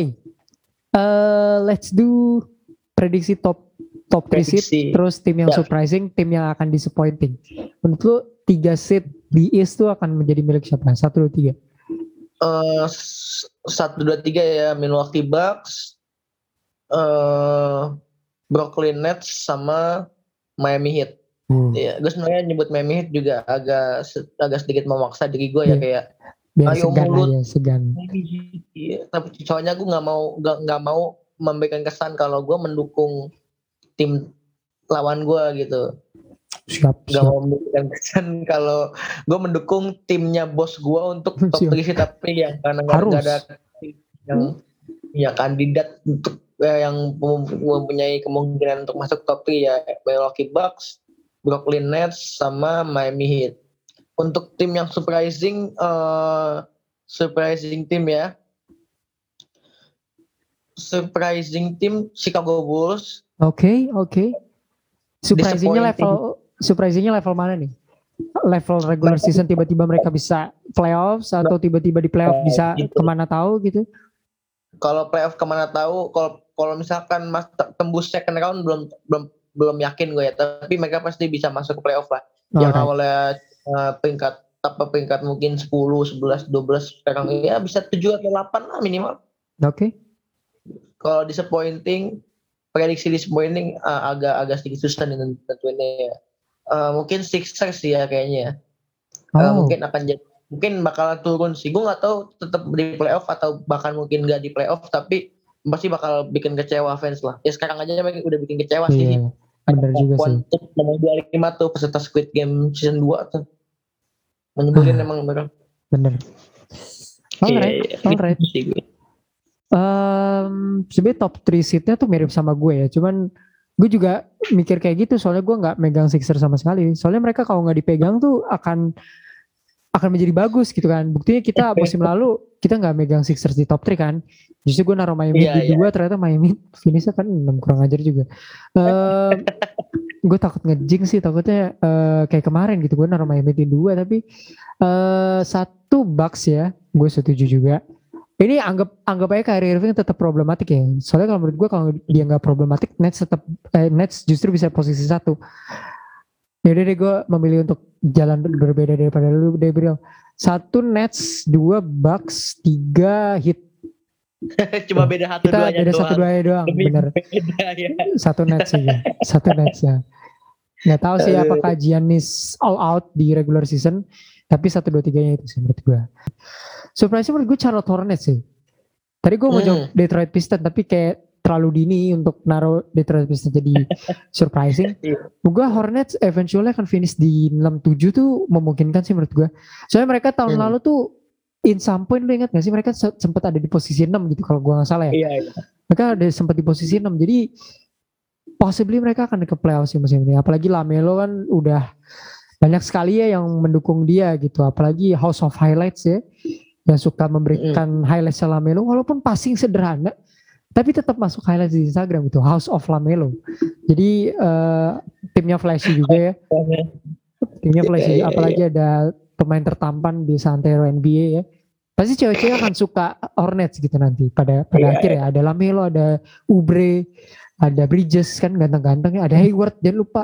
Daddy Iya, Hayward ya Daddy Hayward. Jadi harus sih tim tim tertampan di NBA sih menurut gue. Jadi eh, sayang Bikin- kalau kita kita kita kayaknya harus ini ya harus bikin buat apa buat episode akhir gitu yang top 10 of the season. Itu kayaknya kita harus bikin edisi tim tertampan dan tim terjelek ya.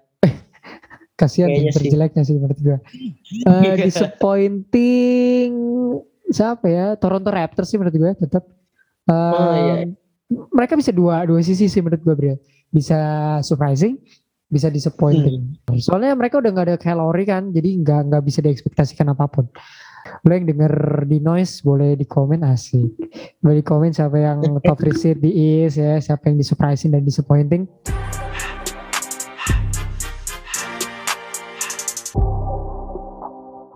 Kita geser ke conference yang dulunya terkuat salam semesta. Sekarang seperti sudah tidak lagi. Western. Ini kayaknya sepi ya. Soalnya perpindahannya banyak ke East. Hmm. Tadi kita juga menghabiskan waktu menit yang lama di East. Em, siapa lagi jika bukan LA Jompo? Ya.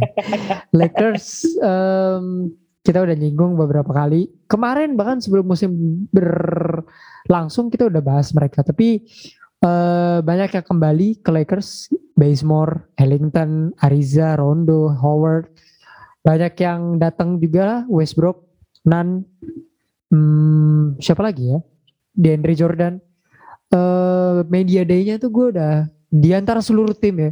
Gue cuma bikin dua media day di Instagram story gue. Miami Heat sama Lakers. Lakers tuh gue kasih lagu-lagu TikTok yang berbahaya gitu loh. eh serem kelihatannya ya. Ini tim kalau main di 2014 mungkin udah 82-0 kali. ya.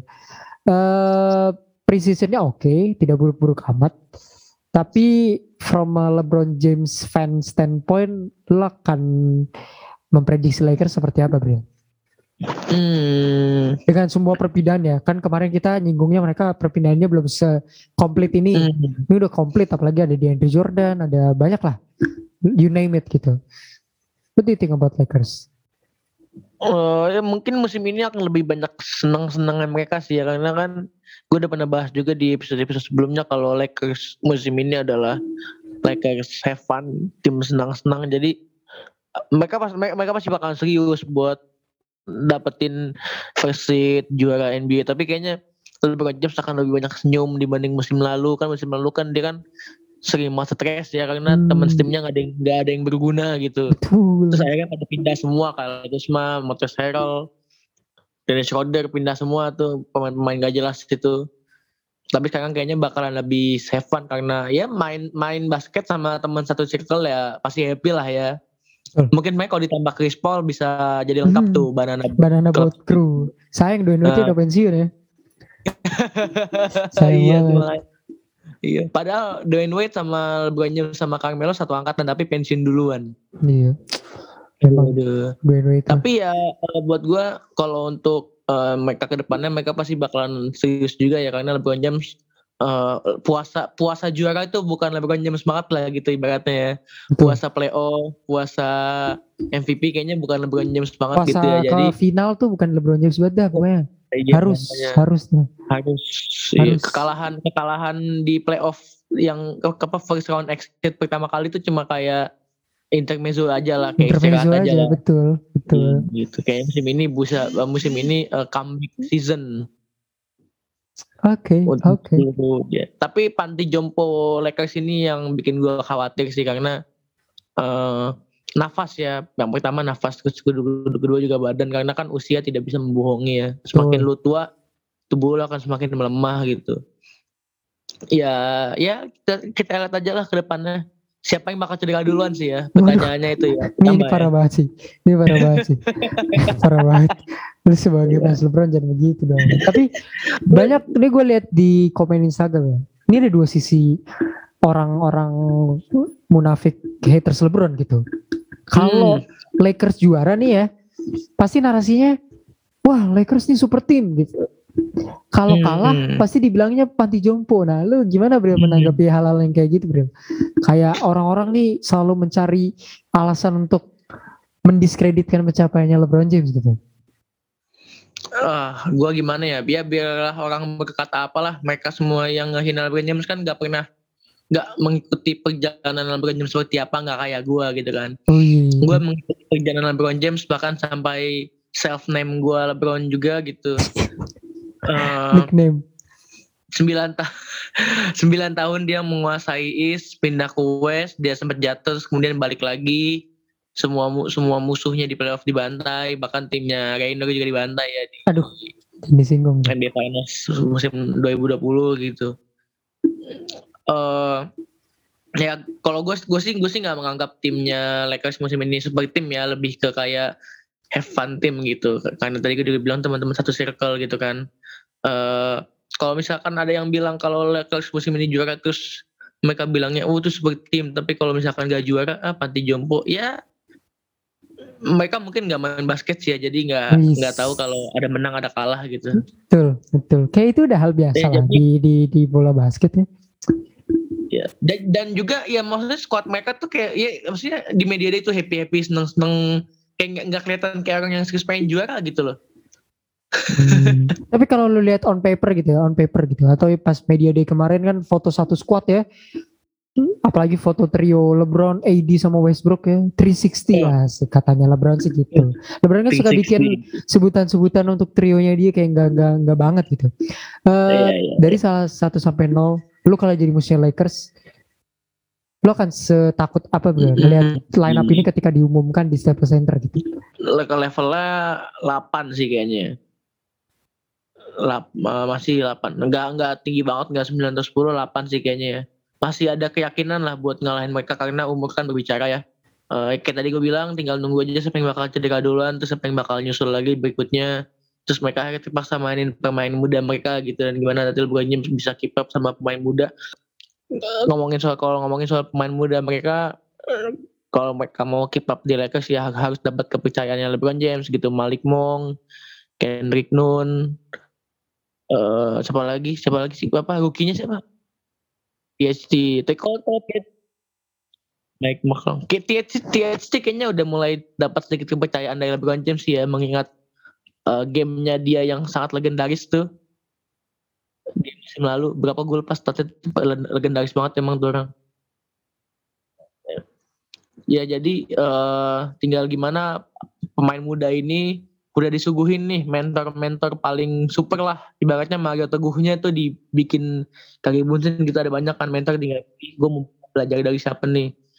Jadi kayak nah. Jadi selain Lakers musim ini tuh have fun team jadi pemain-pemain tua ini menjadi mentor untuk pemain muda Lakers di musim ini ya, supaya pemain mudanya Lakers bisa ke depannya bisa ya berkembang lah berkembang pesat gitu kan.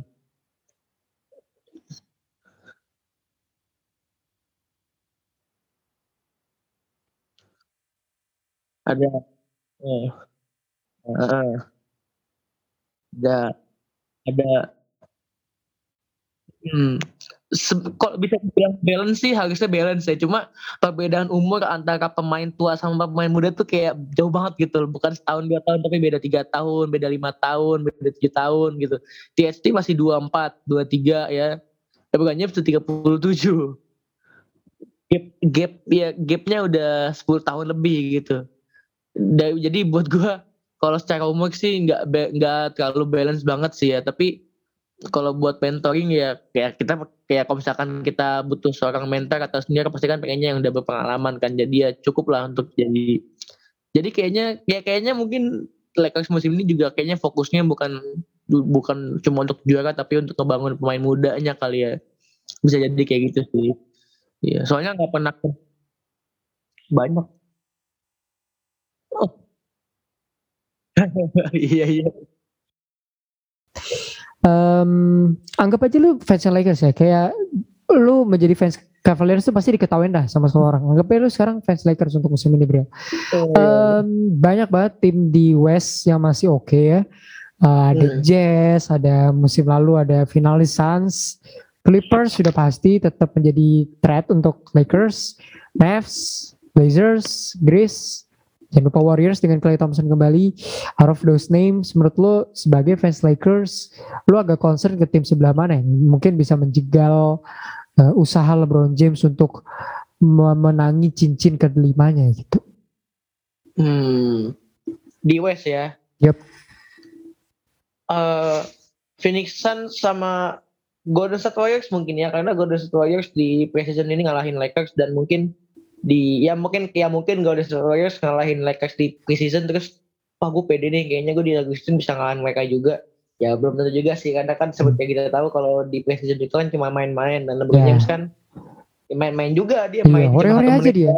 Dia tuh kayak Iya. em, kalau di kalau anak-anak main basket tuh cuman dia latihan kardio aja, Iya. kardio aja itu kayak. dia tuh dia tuh di preseason cuma tip off habis minta ganti gitu kan nggak main gitu ya jadi eh, kalau eh, tim-tim yang mungkin bisa mencegah mencegah Lakers untuk menjadi juara musim ini di West itu Golden State Phoenix Suns Phoenix Suns kan punya Chris Paul sama Devin Booker ya Mhm. mereka pasti bakalan pengen lagi balik ke NBA Finals nggak mau cuma nggak mau cuma dibilang NBA Fin mereka juara berkat ramalan Lord Rangga etc lama Tuh. ramalan Kayak ada tim ya. Bril yang pernah ke final, tapi cuman gara-gara main di bubble gitu ya, terus gak ke final lagi di sweep, Nah. ya kan? Ada, ada, kayak gitu ada tuh. ada ada Ada, ada ada. Eh, ya kalau kalau Clippers tanpa Kawhi sampai Desember itu gue ya mungkin Paul George bakalan happy kali ya kayak gue bakal jadi Iya, first option aku akan-. Membuktikan omongan anak-anak plus minus gitu. Aduh, aku senang sekali nih. Aku menjadi alpha male akhirnya gitu. Iya. Kalau Clippers gue gue nggak yakin mereka bisa mencegah Lakers karena mereka mungkin mereka sendiri nggak bisa mencegah diri mereka sendiri untuk Waduh. tidak jatuh ke dalam kehancuran gitu ya. Hmm. Eh, Utah Jazz eh, Utah Jazz mungkin bisa ya so-so lah nggak gue nggak yakin mereka bisa Utah Jazz sama Denver Nuggets gue nggak yakin mereka bisa comeback eh, mereka nggak bisa mengulangi musim sebelumnya di mana mereka benar-benar sh- show out banget ya eh, yang baru gue perhatiin baru Phoenix Suns sama GSW doang sih kalau buat ngalangin Kenapa Warriors? menghalangi Apakah Warriors karena- gara-gara faktor Clay Thompson balik doang lu akan mewaspadai mereka? karena satu-satunya musuh yang bisa mengalahkan LeBron James tanpa bantuan superstar lainnya cuma Curry gitu loh. Oke. Jadi Curry itu salah satu momok, momok menyeramkan buat LeBron James apalagi kan di finals kan dia 1-4 ya kalah sama Curry gitu. Dan pasti di musim ini Curry juga eh, bakalan maksudnya dia teman-teman temannya udah balik lah kayak Thompson udah balik Draymond Green meskipun tetap triple single tapi triple masih tetap, single, eh, triple single, triple single festival kalau festival masih- triple single betul. Kalau yang lain Iya, triple jadi- double fest ya, triple Iya, single fest. Single fest mas-mas gitu. biasa ini yang memang. yang yang yang nyanyi yang nyanyi Via Valen Siap, Nena siap. Karisma gitu. Benar, ya kalau buat gue sih Golden State sih yang eh selain karena di preseason mereka mengalahkan Lakers yang akan bikin mereka jadi makin pede ya kalau orang semakin pede kan pasti mainnya akan semakin bagus lah ya ibaratnya gitu ya betul, betul, betul. Eh, terus juga Clay Thompson balik kita ba- apa ya pasti bakalan lapangan lapangannya lapangan yang dipakai sama Warriors main kayaknya bakalan becek di mana-mana Hmm, lagi bener, sih ya kayak Benar kacau. 17 dulu ya kayaknya bakalan becek basah di mana-mana sih kayaknya sih Benar sih, benar sih. Golden State yang masih gue Tapi- sampai sekarang Kan Clay udah dua tahun ya tidak karena ACL ya. Eh, memang playstyle-nya seorang Clay kan gak require kemampuan fisik yang cukup banyak ya. Dia kan bisa cetak 60 Iya, poin dalam 11 dribble doang gitu. Tapi Iya, iya. menurut lu Clay akan tetap menjadi orang yang sama ketika ngeliat kita Clay dulu gak sih? Maksudnya eh akankah dia biasanya kan orang habis dari cedera Achilles tuh dropping poinnya lumayan jauh gitu ya. Terus tidak seperti performa pada dia umumnya gitu kan. Nah menurut Hmm. lu Clay Thompson apakah akan tetap menjadi Clay yang kita lihat tiga tahun yang lalu, empat tahun yang lalu gitu? Eh, pasti dia bakalan butuh waktu untuk membiasakan diri ya mungkin ya bahasanya ya Hmm. karena dua tahun gak megang bola gak lari-lari di lapangan eh dan juga latihan nembak kan nggak cukup ya karena kan lu di lapangan nggak mungkin cuma nembak doang cuma nembak Betul, three point doang Betul. lu harus bisa cutting, V-cut, backdoor segala macam gerakan teknis basket yang ribuan gitu Yang dia Pasti udah kakinya apa lah, juga- dia udah apa lah pasti. Iya. Jadi dia harus bisa membiasakan kakinya yang awalnya kalau misalkan hand touch atau feeling touch waktu nembak mah nggak perlu di uh, risaukan lah ya karena dia kan very certified shooter lah. Yes sir. Kalau misalkan main 2K gue milih shooting guard pasti dia. Gak ada James Harden siapa aja James Harden kan. Pasti Clay Thompson. Clay Thompson pasti. Tapi kakinya ini yang harus diperhatikan apakah kakinya bisa bergerak lincah kayak dulu dia waktu masih prima di mana dia tanpa screen bisa dapat open three pointer tanpa screen dia bisa dapat nembak kosong nggak ada yang jaga gitu. Sama kayak Kuri Kuri kan Kuri tanpa bola bisa bikin pemain lawan ankle break gitu. Padahal nggak ada bola. Padahal nggak pakai bola. Luar biasa ini dia penipuan dalam lapangan nih dua orang ini Ka kemampuan kakinya dia yang harus dibiasakan lagi ya mungkin pembiasaan dulu lah ya satu dua tiga game lah gitu sih buat gue okay. kalau Clay Thompson oke okay. Oh, adaptasi kedua untuk Clay Thompson ya. Uh, maha besar Clay. Kalau kata box out. Um, hmm. Menurut gue, gue nggak bisa counting on Warriors. Maksudnya, maksudnya musim lalu kan Clay katanya mau main tapi nggak jadi. Kita udah terlanjur hmm. um, prediksi Warriors akan berada di empat lagi ya. Tiga-tiganya kita kemarin sama kita itu prediksi Warriors empat lima gitu. Tapi uh, ternyata uh, tidak lulus playoffs gitu ya. Jadi gue nggak mau berharap banyak ke Warriors. Menurut gue kalau ada satu tim yang bisa jaga Lakers, menurut gue tetap tim yang sama sih. Phoenix Suns menurut gue. Karena hmm. di samping tim lain, kalau di East kan pro problemnya kan pemain-pemain problematik ya, Kyrie, Ben Simmons ya gitu-gitu. Kalau di West ini problemnya cedera sih banyak banget cedera sama tim-tim gak berubah begitu banyak. Contohnya kayak Maverick. Maverick itu ngambil siapa hmm. nggak hmm. banyak. Pelatihnya berubah. Tapi pelatih jadi Jason Kidd, gue jadi agak ragu. Blazers memang masih mempertahankan Lillard, tapi ya udah gitu. Blazers gitu. Blazers tuh emang Pacersnya wilayah barat sih menurut gue. Terus hmm. Clippers, menurut gue gak ada Kawhi sampai Desember. Cukup bisa dibilang agak merugikan mereka. Walaupun menurut gue tetap top 3 team in the West. Jazz uh, gimana ya? Kayak Jazz nih tiap tahunnya selalu diremehkan tapi tiba-tiba mereka bisa seed gitu. Jadi gue nggak nggak bisa ngeliat Jazz lebih jauh daripada ini sih. Jadi tetap Suns sih menurut gue. Karena pemainnya mayoritas masih muda dan berada di misi untuk kembali lagi ke final kayak kata lu tadi Bril. Jadi menurut gue they will still the same team. Kalau nggak salah mereka ngambil siapa ya di off season ini? ada satu rekrutan yang menurut gue lumayan oke okay, tapi gue Hasan Whiteside. Uh, San San San. Sans. Oh, Sans. Gue lupa uh, banget kalau Jazz gue tahu Hasan Whiteside probably gonna be a good company untuk Rudy Gobert. Uh, tapi gue nggak tahu deh. Sans tuh ngambil satu pemain bagus menurut gue cuman gue lupa. Tapi mostly squadnya tetap sama ya uh, Ricky Rubio gak tuh saking dalam main Suns uh, Devin Booker CP Aiton Crowder Bridges masih sama. Jadi menurut gue still the same lineup. Jadi menurut gue Lakers tetap yang akan toe to toe bisa melawan mereka di regular season ya Suns. Karena banyak cedera. Warriors juga Clay baru masuk. Tapi Warriors cukup ini kayak kata lu bilang tadi cukup patut untuk diperhatikan. Iguodala balik walaupun udah 37 tahun Iguodala. Um, Wiggins ya, Wiggins big Wiggins tapi uh, satu tahun mereka udah ini ya, udah udah inilah, udah cukup untuk menjadi adaptasi buat pemain muda. Jadi menurut gue Warriors gonna be better than last season. Curry walaupun udah 32 still one of the best players ya. Dia musim lalu 30 tahun plus aja bisa top scorer kan. Apalagi iya, tahun ini. Iya, Jadi mudah-mudahan Clay nggak apa-apa. Itu harapan gue.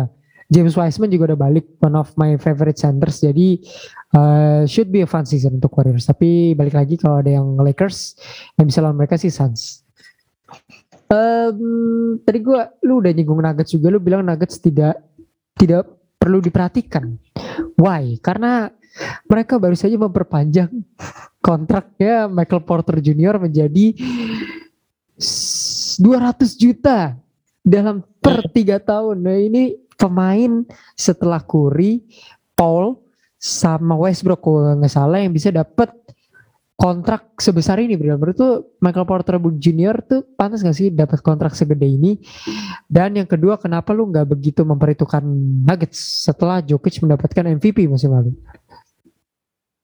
Karena yang pertama uh, yang Michael Porter Junior pantas atau enggak itu menurut gua belum pantas ya karena dia masih belum nunjukin kalau dia ada di skala itu kalau tadi pemain yang lu sebutin Chris Paul, Curry, Russell Westbrook kan emang certified top player ya, Hall of Famer gitu kan. Bahkan mereka dapat kontrak satu miliar dolar per bulan aja pun gue nggak akan protes gitu loh karena emang mereka ada Emang skalanya di pantas, situ emang pantas, betul. Emang panas banget gitu gaji mereka lebih gede daripada presiden AS juga Gak ya masalah, gak masalah. tapi ini kan masih masih pemain muda ya pemain yang menghabiskan satu tahun pertamanya di NBA cedera gitu kan Betul. pemain yang terkenal cuma pas di high school doang tapi pas udah di liga, liga sebenarnya malah ya ya gitu lah so-so masih setengah-setengah nggak pernah bisa averaging di atas 20 gue mungkin akan mengakui Michael Porter Jr. itu gue waktu awal-awal apa Michael Porter Jr. main di NBA gue jujur emang ngakuin dia nih kayak top banget gitu lah orang pada dukung Trey Young pada dukung Luka Doncic dan Keaton gue malah dukung Michael Porter Jr. tapi sekarang gue kayak kaguin emang dia beneran pemain terbaik di SMA gitu ya ibaratnya dia ini kayak Michael James lah kalau di Indonesia Michael James itu kan pemain yang yang jago lah di SMA tapi sekarang nggak dikontrak sama pemain ma- amat gimana pun di liga profesional di IBL nggak dikontrak. Ibaratnya gitu sih. Terus eh, kenapa gua nggak memperhatikan Denver Nuggets musim ini? Karena hype-nya nggak ada gitu. Hmm. tim-tim yang bis ya tim-tim yang diperhatikan oleh fans dan apa kayak analisis NBA gitu itu tim yang punya hype-nya tinggi ya kayak Oke. De- Nuggets gue nggak gue nggak pernah ngeliat Nuggets hype-nya tinggi selama ini dan nggak banyak juga orang-orang yang membahas soal Nuggets gitu loh makanya gue nggak Kasian ya. jadi perhitungan mereka untuk bisa balik lagi ke eh, yang sebelum yang musim sebelumnya gitu dan apalagi Jokic MVP kosong kan Waduh. Waduh. Gitu. kan ya kan kita kan kita adalah tipe orang-orang yang cincin juara lebih baik daripada Piala MVP gitu kan Betul, betul. Walaupun MVP adalah salah satu award yang harus diperhatikan, tapi ya iya true eh, MVP tapi tidak bisa perform lebih dari semifinal Iya. wilayah kan buat apa juga? Iya, tapi juga gitu. Sama ini MVP MVP yang ya paling ya paling ya mungkin Giannis lah ya dulu pernah ya MVP dua kali tapi dua kalinya gagal juga tembus apalagi dibantai sama timnya Rainer ya Betul di sekali. bubble kan. Menolak lupa, betul. Tapi Jokic ini kan levelnya kan nggak segianis ya maksudnya dia tuh penghargaannya baru MVP doang All Star juga baru dari 19 20 21 sedangkan Giannis MIP udah pernah MVP dua kali Defensive Player of the Year All Star dari 2017 sampai sekarang All Defensive All NBA segala macam diambat semua gitu maruk kan jobnya jobnya borongan gitu jadi untungnya lebih banyak gitu. Jadi gue nggak bisa mengconsider Jokic dan Nuggets ini sebagai tim yang harus diperhatikan gitu. Mungkin kalau dengan berjalannya musim nanti sepanjang perjalanan mereka mulai naik-naik dikit gue bisa pertimbangkan mereka untuk eh, bersaing di ranah NBA Finals mungkin. Tapi kalau sekarang gue masih belum yakin sih. Soalnya MVP kosong lah percuma gitu. Hmm, hmm. LeBron James setiap kali MVP masuk masuk playoff dan jadi hype kan Hmm. Dan Dan musim dan setelahnya- final kalau nggak salah. dan musim setelahnya iya dia ada MVP ada ada sih yang MVP tapi nggak juara tapi kan musim setelahnya jadi jadi hype gitu Hmm. banyak banget yang ngomongin media semua ngomongin LeBron James LeBron James LeBron James tapi kan kalau Jokic kayak dia tuh dapet MVP nih terus habis itu musim setelahnya dilupain kayak eh musim eh MVP musim 2021 siapa sih kayak gitu tuh gue bahkan tahu sampai dong. lupa gitu Nggak tahu Gak gitu ya. Gak tahu lu MVP kosong Kayak lu gitu. nanya ya gitu siapa final MVP tahun 2015 gitu ya. Nah siapa? Oh Ya, Iguodala gitu. Jadi ya. Ya. Tapi ya despite Meng- all of that sih, gue tetap suka sama Jokic. Cuman memang lu bilang Nuggets tidak per- perlu diperhatikan. Tapi gue ya mungkin lu pada tahu gue udah dari musim lalu gue udah bilang justru Nuggets ini harus diperhatikan karena menurut gue mereka selalu ada di top teams tapi tidak pernah melaju lebih jauh gitu. Hmm. Justru gue gue akan memperhatikan Nuggets musim ini karena musim lalu mereka fun. Musim ini nggak ada Jamal Murray sampai Februari deh kalau gue nggak salah ya. Lumayan lama. Jadi ini tes untuk Jokic dan pemain termahal di tim mereka yaitu MPJ untuk ya gimana caranya figuring out permainan tanpa Jamal Murray gitu yang menurut gue one of the best player that they had gitu ya. Iya. Kenapa, kenapa mereka kasih gitu ke Jokic aja ya? Maksudnya lebih lebih lebih Nah. atau Jamal Murray ya? kenapa tidak Supermax Jokic gitu? Bingung gue. Nah, Kan bisa Iya. Supermax Jokic, dia kan MVP gitu. Mungkin Iya. Jokic gue gak tahu ya dia bayaran di Nuggets. Nih jangan sampai bayaran di Nuggets nomor satu MPJ nih. Soalnya kan Jokic Nah. MVP kan. Kenapa nggak Supermax dia gitu? Nggak usah Iya. Supermax deh, max kontrak aja deh. Max kontrak aja. Kenapa nggak Jokic? Kenapa harus MPJ gitu? Memang MPJ ini masih muda ya. 22 tahun kalau gue nggak salah masih punya bright future lah. Tapi terlalu dini lah dia kan levelnya bukan Doncic, levelnya bukan Treyong gitu kan. Walaupun di draft class yang sama, mungkin dia ngeliat ini Brel, teman-temannya di draft class yang sama kok udah dapat Supermax semua. nah, bisa jadi, Doncic. bisa jadi. Max kan, Treyong Max, Nah. bahkan Shea Gilgeous Alexander aja Max kontrak kan. Yang Nah. belum tuh 2018 tuh Aiton, MPJ sama Marvin Bagley yang sangat tidak banget gitu. Jadi Jaren Jackson. Jaren Jackson dapat max malah kalau gua nggak salah ya. Jaren Jackson kayaknya dapat max deh. Kalau gua nggak salah. Apa belum gitu? Gak nge-max Jamoran ya. Malah Iya belum belum. Jaren Jackson. Mungkin dia iri. Eh tolong dong ini teman-teman gua nih udah Iya, max iya, kontrak iya. semua gitu. Gua tahu nih. Menurut gua keputusan yang tidak tepat untuk sekarang. Tapi let's see apakah MPJ bisa menjawab kontrak Iya, yang gede kayak gitu. Karena di sepak bola ini sering terjadi pemain-pemain dikasih kontrak Hmm. gede tapi nggak bisa deliver gitu. Nah gua nggak tahu nih MPJ bakal kayak gini apa enggak. Dia bagus, tapi belum belum saatnya aja untuk untuk berada di fase ini gitu ya. Lu bisa setuju lah sama gua. MPJ itu Bisa, cocok apa enggak? Cukup. Oke. Top 3 seed di West. Surprising dan disappointing team menuju musim 2021-2022. Top 3 seed gua eh, satu satu satu sampai satu dua tiga ya. Eh, Lakers, Suns dan Golden State Warriors. Uh. Oke. Tiga ini ini ini mungkin bakalan jadi kontroversi ya apalagi kalau misalkan ternyata ke depannya tiga tim ini malah nggak masuk top 3 ini kan bisa, Bisa mempermalukan harga diri gue dan menghancurkan kredibilitas gue di plus minus. Tapi ya gue ambil resiko itu gue milih tiga tim ini. Selain karena emang eh, awal-awal musim ini tim yang baru show out di mata gue baru tiga tim ini sih. Yang yang baru gue perhatiin baru tiga tim ini gitu loh belum ada tim lain. Jadi eh ya gue juga pengen lah LeBron James sama Curry compete lagi kan kan mereka Oh. kan nggak bisa di NBA Finals nih musim ini karena satu satu wilayah ya setidaknya minimal conference finals lah gitu kan drama drama block by James lagi mungkin akan terulang karena Iguodala kan Waduh, Kayak Iguodala Iya. balik ya. Iya iya iya. Eh, nanti yang mengambil last shot bukan kayak kita tapi Russell Westbrook Aduh Terus gak bakal masuk sih itu. bakal masuk sih makanya Melo bilang dia nembak malah kena penonton mungkin bisa jadi gitu kan. Kalau surprising tim eh, buat gue musim ini dari West itu eh wah ini banyak. Eh surprising timnya. Blazers sih kayaknya sih. Waduh, kok bisa? Kok bisa? gue bingung juga nih apa Utah Jazz ya bingung. Kalau kalau misalkan ngomongin surprising, GSW sebenarnya juga bisa masuk ke surprising sebenarnya. Warriors juga sebenarnya bisa masuk surprising gitu. Ya gue Iya sih. surprising ke Warriors. Warriors lah. Oke. Ya balik baliknya Clay Thompson gitu kan. Clay Thompson bukan hanya sekedar shooter yang hebat tapi juga tampan gitu kan. Hmm, Ya aduh. betul betul. Oke, disappointing.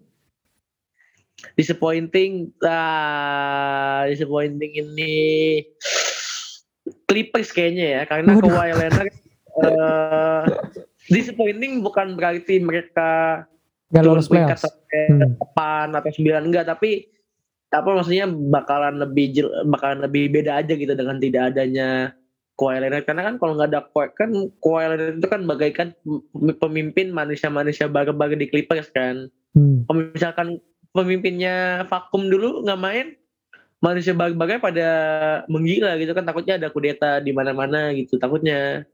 Jadi eh, mungkin eh, akan lebih turun ya bisa dibilang gitu ya. Jadi nggak kayak Clippers di dua musim lalu gitu 2019 2020 2021 lah pasti bakalan beda sih Oke, oke, oke. Solid pick untuk Jibril. Rata-rata tim yang semua masuk playoff nih, tidak ada tim yang agak edgy-edgy gitu ya. Gak hipster gitu. Gue top 3 seed Jibril tadi ya. Lakers, Suns, Warriors ya. Um, Iya, iya. Gue udah pasti Lakers sih satu kayak tim regular season banget. Satu Hmm, Lakers by a fine margin. Gue rasa jaraknya akan lebih dari 10 game sih antara satu dan dua. Eh dua sama Phoenix Suns juga. Kayak ya tim mereka nggak berubah banyak. Akan lebih kuat. Udah udah pernah ke final juga tiga Utah Jazz. Karena nggak banyak berubah juga. Bakal lebih solid menurut gue sih. Eh ini bukan tim yang injury prone gitu. Oh nggak jadi deh. Kayaknya Bogdan Bogdanovic tuh udah pindah deh dari Jazz setahu gue ya. Eh, gue lupa pindah ke mana Bojan, Bojan. Oh iya Bojan sorry. Bojan tuh kayaknya udah pindah. Tapi gue lupa dia pindah Hmm. ke mana. Jadi gue kayaknya gak jadi Jazz deh. Ah Tiga tuh Damn Banyak yang cedera sih ya. Denver Nuggets deh. Mavs, Mavs, Mavs. Enggak enggak Gue enggak enggak enggak Enggak Mavs deh. Udah udah nggak bias ya ada nggak ada. pengalaman tiga bias gagal mulu. Eh, Man. sekarang enggak Enggak ada pick up yang menarik Bril. Jadi gue Gue belum yakin sama Jason Kidd ya jadi pelatih. Soalnya Iya. Dia tuh takutnya nanti dia minum putih ya Iya dia Bucks Nets main back kayaknya Bucks, Nets itu juga nggak bagus ya rekornya. Masuk playoff sih masuk, cuman kayaknya nggak. Belum dia ada isu di luar lapangan kan yang gue tidak ingin sebutkan. Jadi Iya, ketiga iya. Denver Nuggets sih menurut gue. Ini Hmm. gue nanti gue cek lagi ya. Kalau Bojan Bogdanovic ini tetap di Jazz, gue Jazz. Tapi kalau Bojan ini, setahu gue dia udah pindah, tapi gue lupa ke mana. Eh, jadi kalau nggak Jazz, Nuggets menurut gue tetap gue akan tetap counting on Nuggets- sih. Gak tahu Jamal Murray akan ini apa enggak. Eh Jamal surprising Kamu tuh belum sembuh ya belum, Jamal Murray sampai Februari dia. Lama. Uset setelah ulang tahun gue itu lama bener anjing Iya, lama dia. ACL kan doi. Jadi Oh, iya. eh, lama. Surprising team Memphis Grizzlies. Yoi. Hmm. Memphis bro. Seat 6 pegang omongan gue. Seat 6 Memphis. Grizzlies. Seat 6. Man. Ini seru ini. eh, kalau tadi di Chicago Bulls Lob City ini Lob City-nya West nih Grizzlies. Lu lihat Jamoran udah terbang-terbang. Mudah-mudahan sih tidak tidak cedera ya. Eh, soalnya dia tapi kalau terbangnya di lob City-nya Clippers kan yang small man ngasih lob ke big man ini kayaknya kalau di Grizzlies yang big ngasih lob lob ke small, small man kayaknya nih Iya, Jamoran nih kacau banget, bro. Lompat-lompatnya tuh gak ngotak gitu. Gue sih Grizzlies. Iya. Selain selain flashy, mereka lebih oke sih. Kemarin masuk playoff kan via play-in. Mungkin 6-7 seed eh, akan lebih baik. JJJ juga kayaknya still one of the good players di Grizzlies. Gue lupa banget mereka pick up siapa aja musim ini. Tapi ini tim yang muda dan haus ya. Jadi gue yakin mereka masuk playoffs. Eh, dan gak masuk play-in. Menurut gue playoff dan tidak play-in. Gue yakin banget sama Grizzlies. Gue tidak pernah yakin ini nonton Grizzlies tuh gak pernah gue. Jadi eh, gue yakin mereka masuk playoff tanpa jalur play-in. Play-in masih ada ya musim ini ya? Kalau nggak salah kayaknya ada deh Oke, jadi menurut gue Grizzlies via play-in tidak masuk eh masuk playoff tidak via play-in gitu. Disappointing ya. Gue sampai lupa tuh. Enggak, enggak. Gue kasihan. gue tuh udah capek. Saya kipai nggak ada lagi di sini. Jadi gue tidak slender Clippers Iya, dulu. iya, iya. Kita lihat dulu. Biasanya kan Paul George penyakitnya di awal musim ya bro. Ini kita siapin buat Iya, episode nanti aja kita. Pasti ada deh. kan kalau kemarin kan passing ke wasit Hmm. nembak ke papan skor Hmm, Ini kita lihat nih. Sekarang ngapain nih. sekarang dia ngejaga penonton defense Ngejaga penonton. Atau dia yang dia nggak ngirim-ngirim popcorn Gue biasa tuh lebih lupa deh sama tim West jadinya gara-gara East lebih menarik. Disappointing menurut gue Pelicans sih ya. Gue tidak Oh. melihat mereka lebih, gue gak tahu. Soalnya pick up-nya nggak begitu banyak. Mereka kehilangan Lonzo Ball. Menurut gue one of the best player di tubuh mereka. Tapi mereka punya defender-defender oke sih menurut gue ya. Ada Josh Hart, dia oh, underrated defender juga. Sampai kemarin ATTL tuh nyebutin siapa ya? Defender-defender Pelicans tuh oke banget dari guardsnya. Tapi kayak masih belum cukup gitu. Tim ini menurut gue ya. Kayak Zion dan Ingram tuh menurut gue masih belum bisa mengangkat tim ini. Jadi mereka bisa masuk play-in tapi menurut gue akan disappointing yang bisa seat 11 atau 12 deh menurut gue tim ini masih sama-sama aja atau Blazer sih. Soalnya agak problematik gitu was, uh, pelatihnya juga pelatih baru. Gue lupa lagi siapa namanya. Mereka nggak dapet pemain yang oke okay juga musim ini kehilangan Carmelo ya. Uh, si Jamie McCollum memang boleh saja jadi presiden NBPA tapi sepertinya dia bukan pemimpin yang lebih baik daripada Lillard ya. Jadi yeah. kayak um, si Jamie McCollum tuh Jokowi dan Lillard tuh Megawati gitu atau Luhut Luhut. Iya. tapi ngomongin soal NBP ya kayak menurut yeah. lo apakah intermezzo aja apakah NBP ke depannya akan jadi flat karena tidak lagi dipimpin oleh para senior ya? Banana Boat Club dan segala macam senior apakah menurut lo NBP akan menjadi seperti DPR sekarang ini yang wah bagus loh bro DPR tuh bagus loh.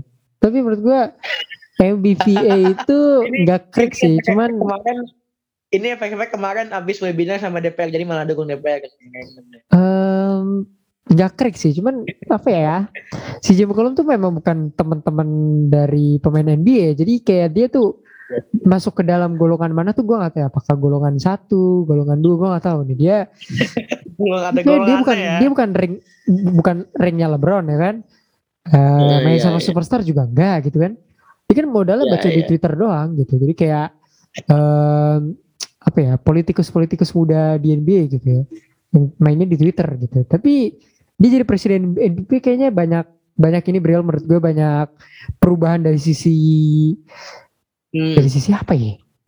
Nggak tahu juga ya. Nggak tahu gitu deh kebijakan dia empat tahun ke depan tuh apa. Cuman dia lumayan aktif di Twitter. Kerjaan yeah. dia kan menyelamati pemain-pemain yang menang di NBA Final.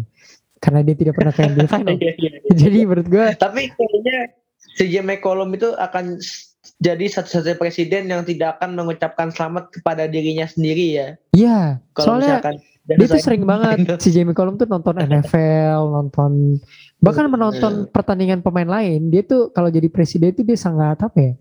Sangat gabut gitu ya. Tidak ada kerjaan. Kerjanya menonton rival-rival lainnya. Jadi banyak kerjaan tapi kayak ada dia. akan magabut ya, makan gaji buta. Tapi dia pinter sih. Menurut gue dia pinter. Pinter.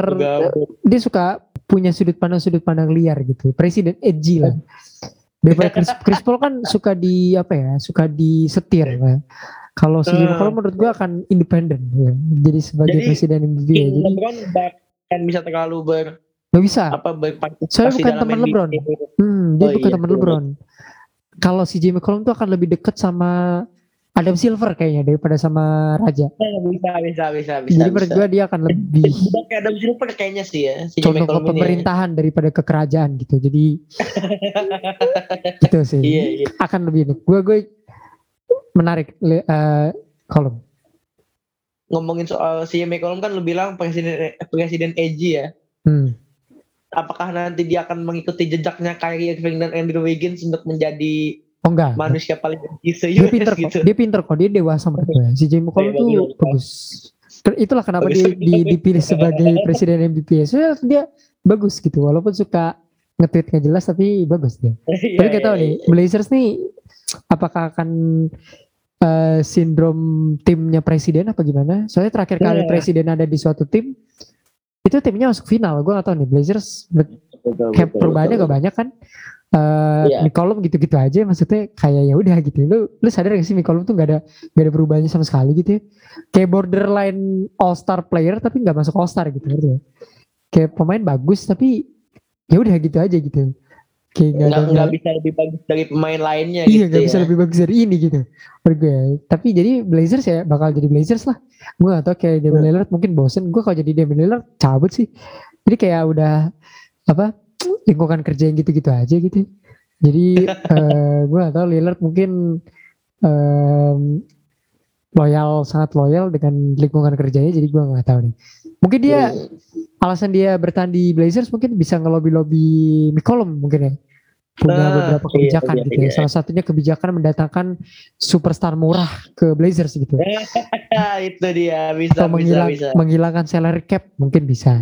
Tapi nggak tahu. Nah, bisa, bisa. Menurut gue Blazers sangat tidak menarik untuk ditonton. Gue nggak tahu apa yang menarik dari Blazers musim ini selain Lillard sama Mikolom Iya, jadi gue nggak mau deh nonton mereka di video.com kecuali lawan Lakers ya Betul sekali. Sampai ketemu lagi di episode kedua ya setelah opening night. Ya. gue sih rencananya ini Bril nanti kita satu hari sebelum opening night ada semacam live Instagram gitu. ya. Kita mau prediksi siapa juara opening night ya. Yang Siap, menang siap. dibeliin teh poci.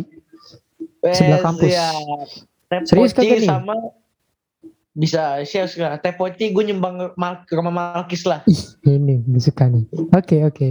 Opening night kan cuma dua game doang, jadi bisa lah. Ya, Bisa lah. betul, betul. Oke Bisa. oke.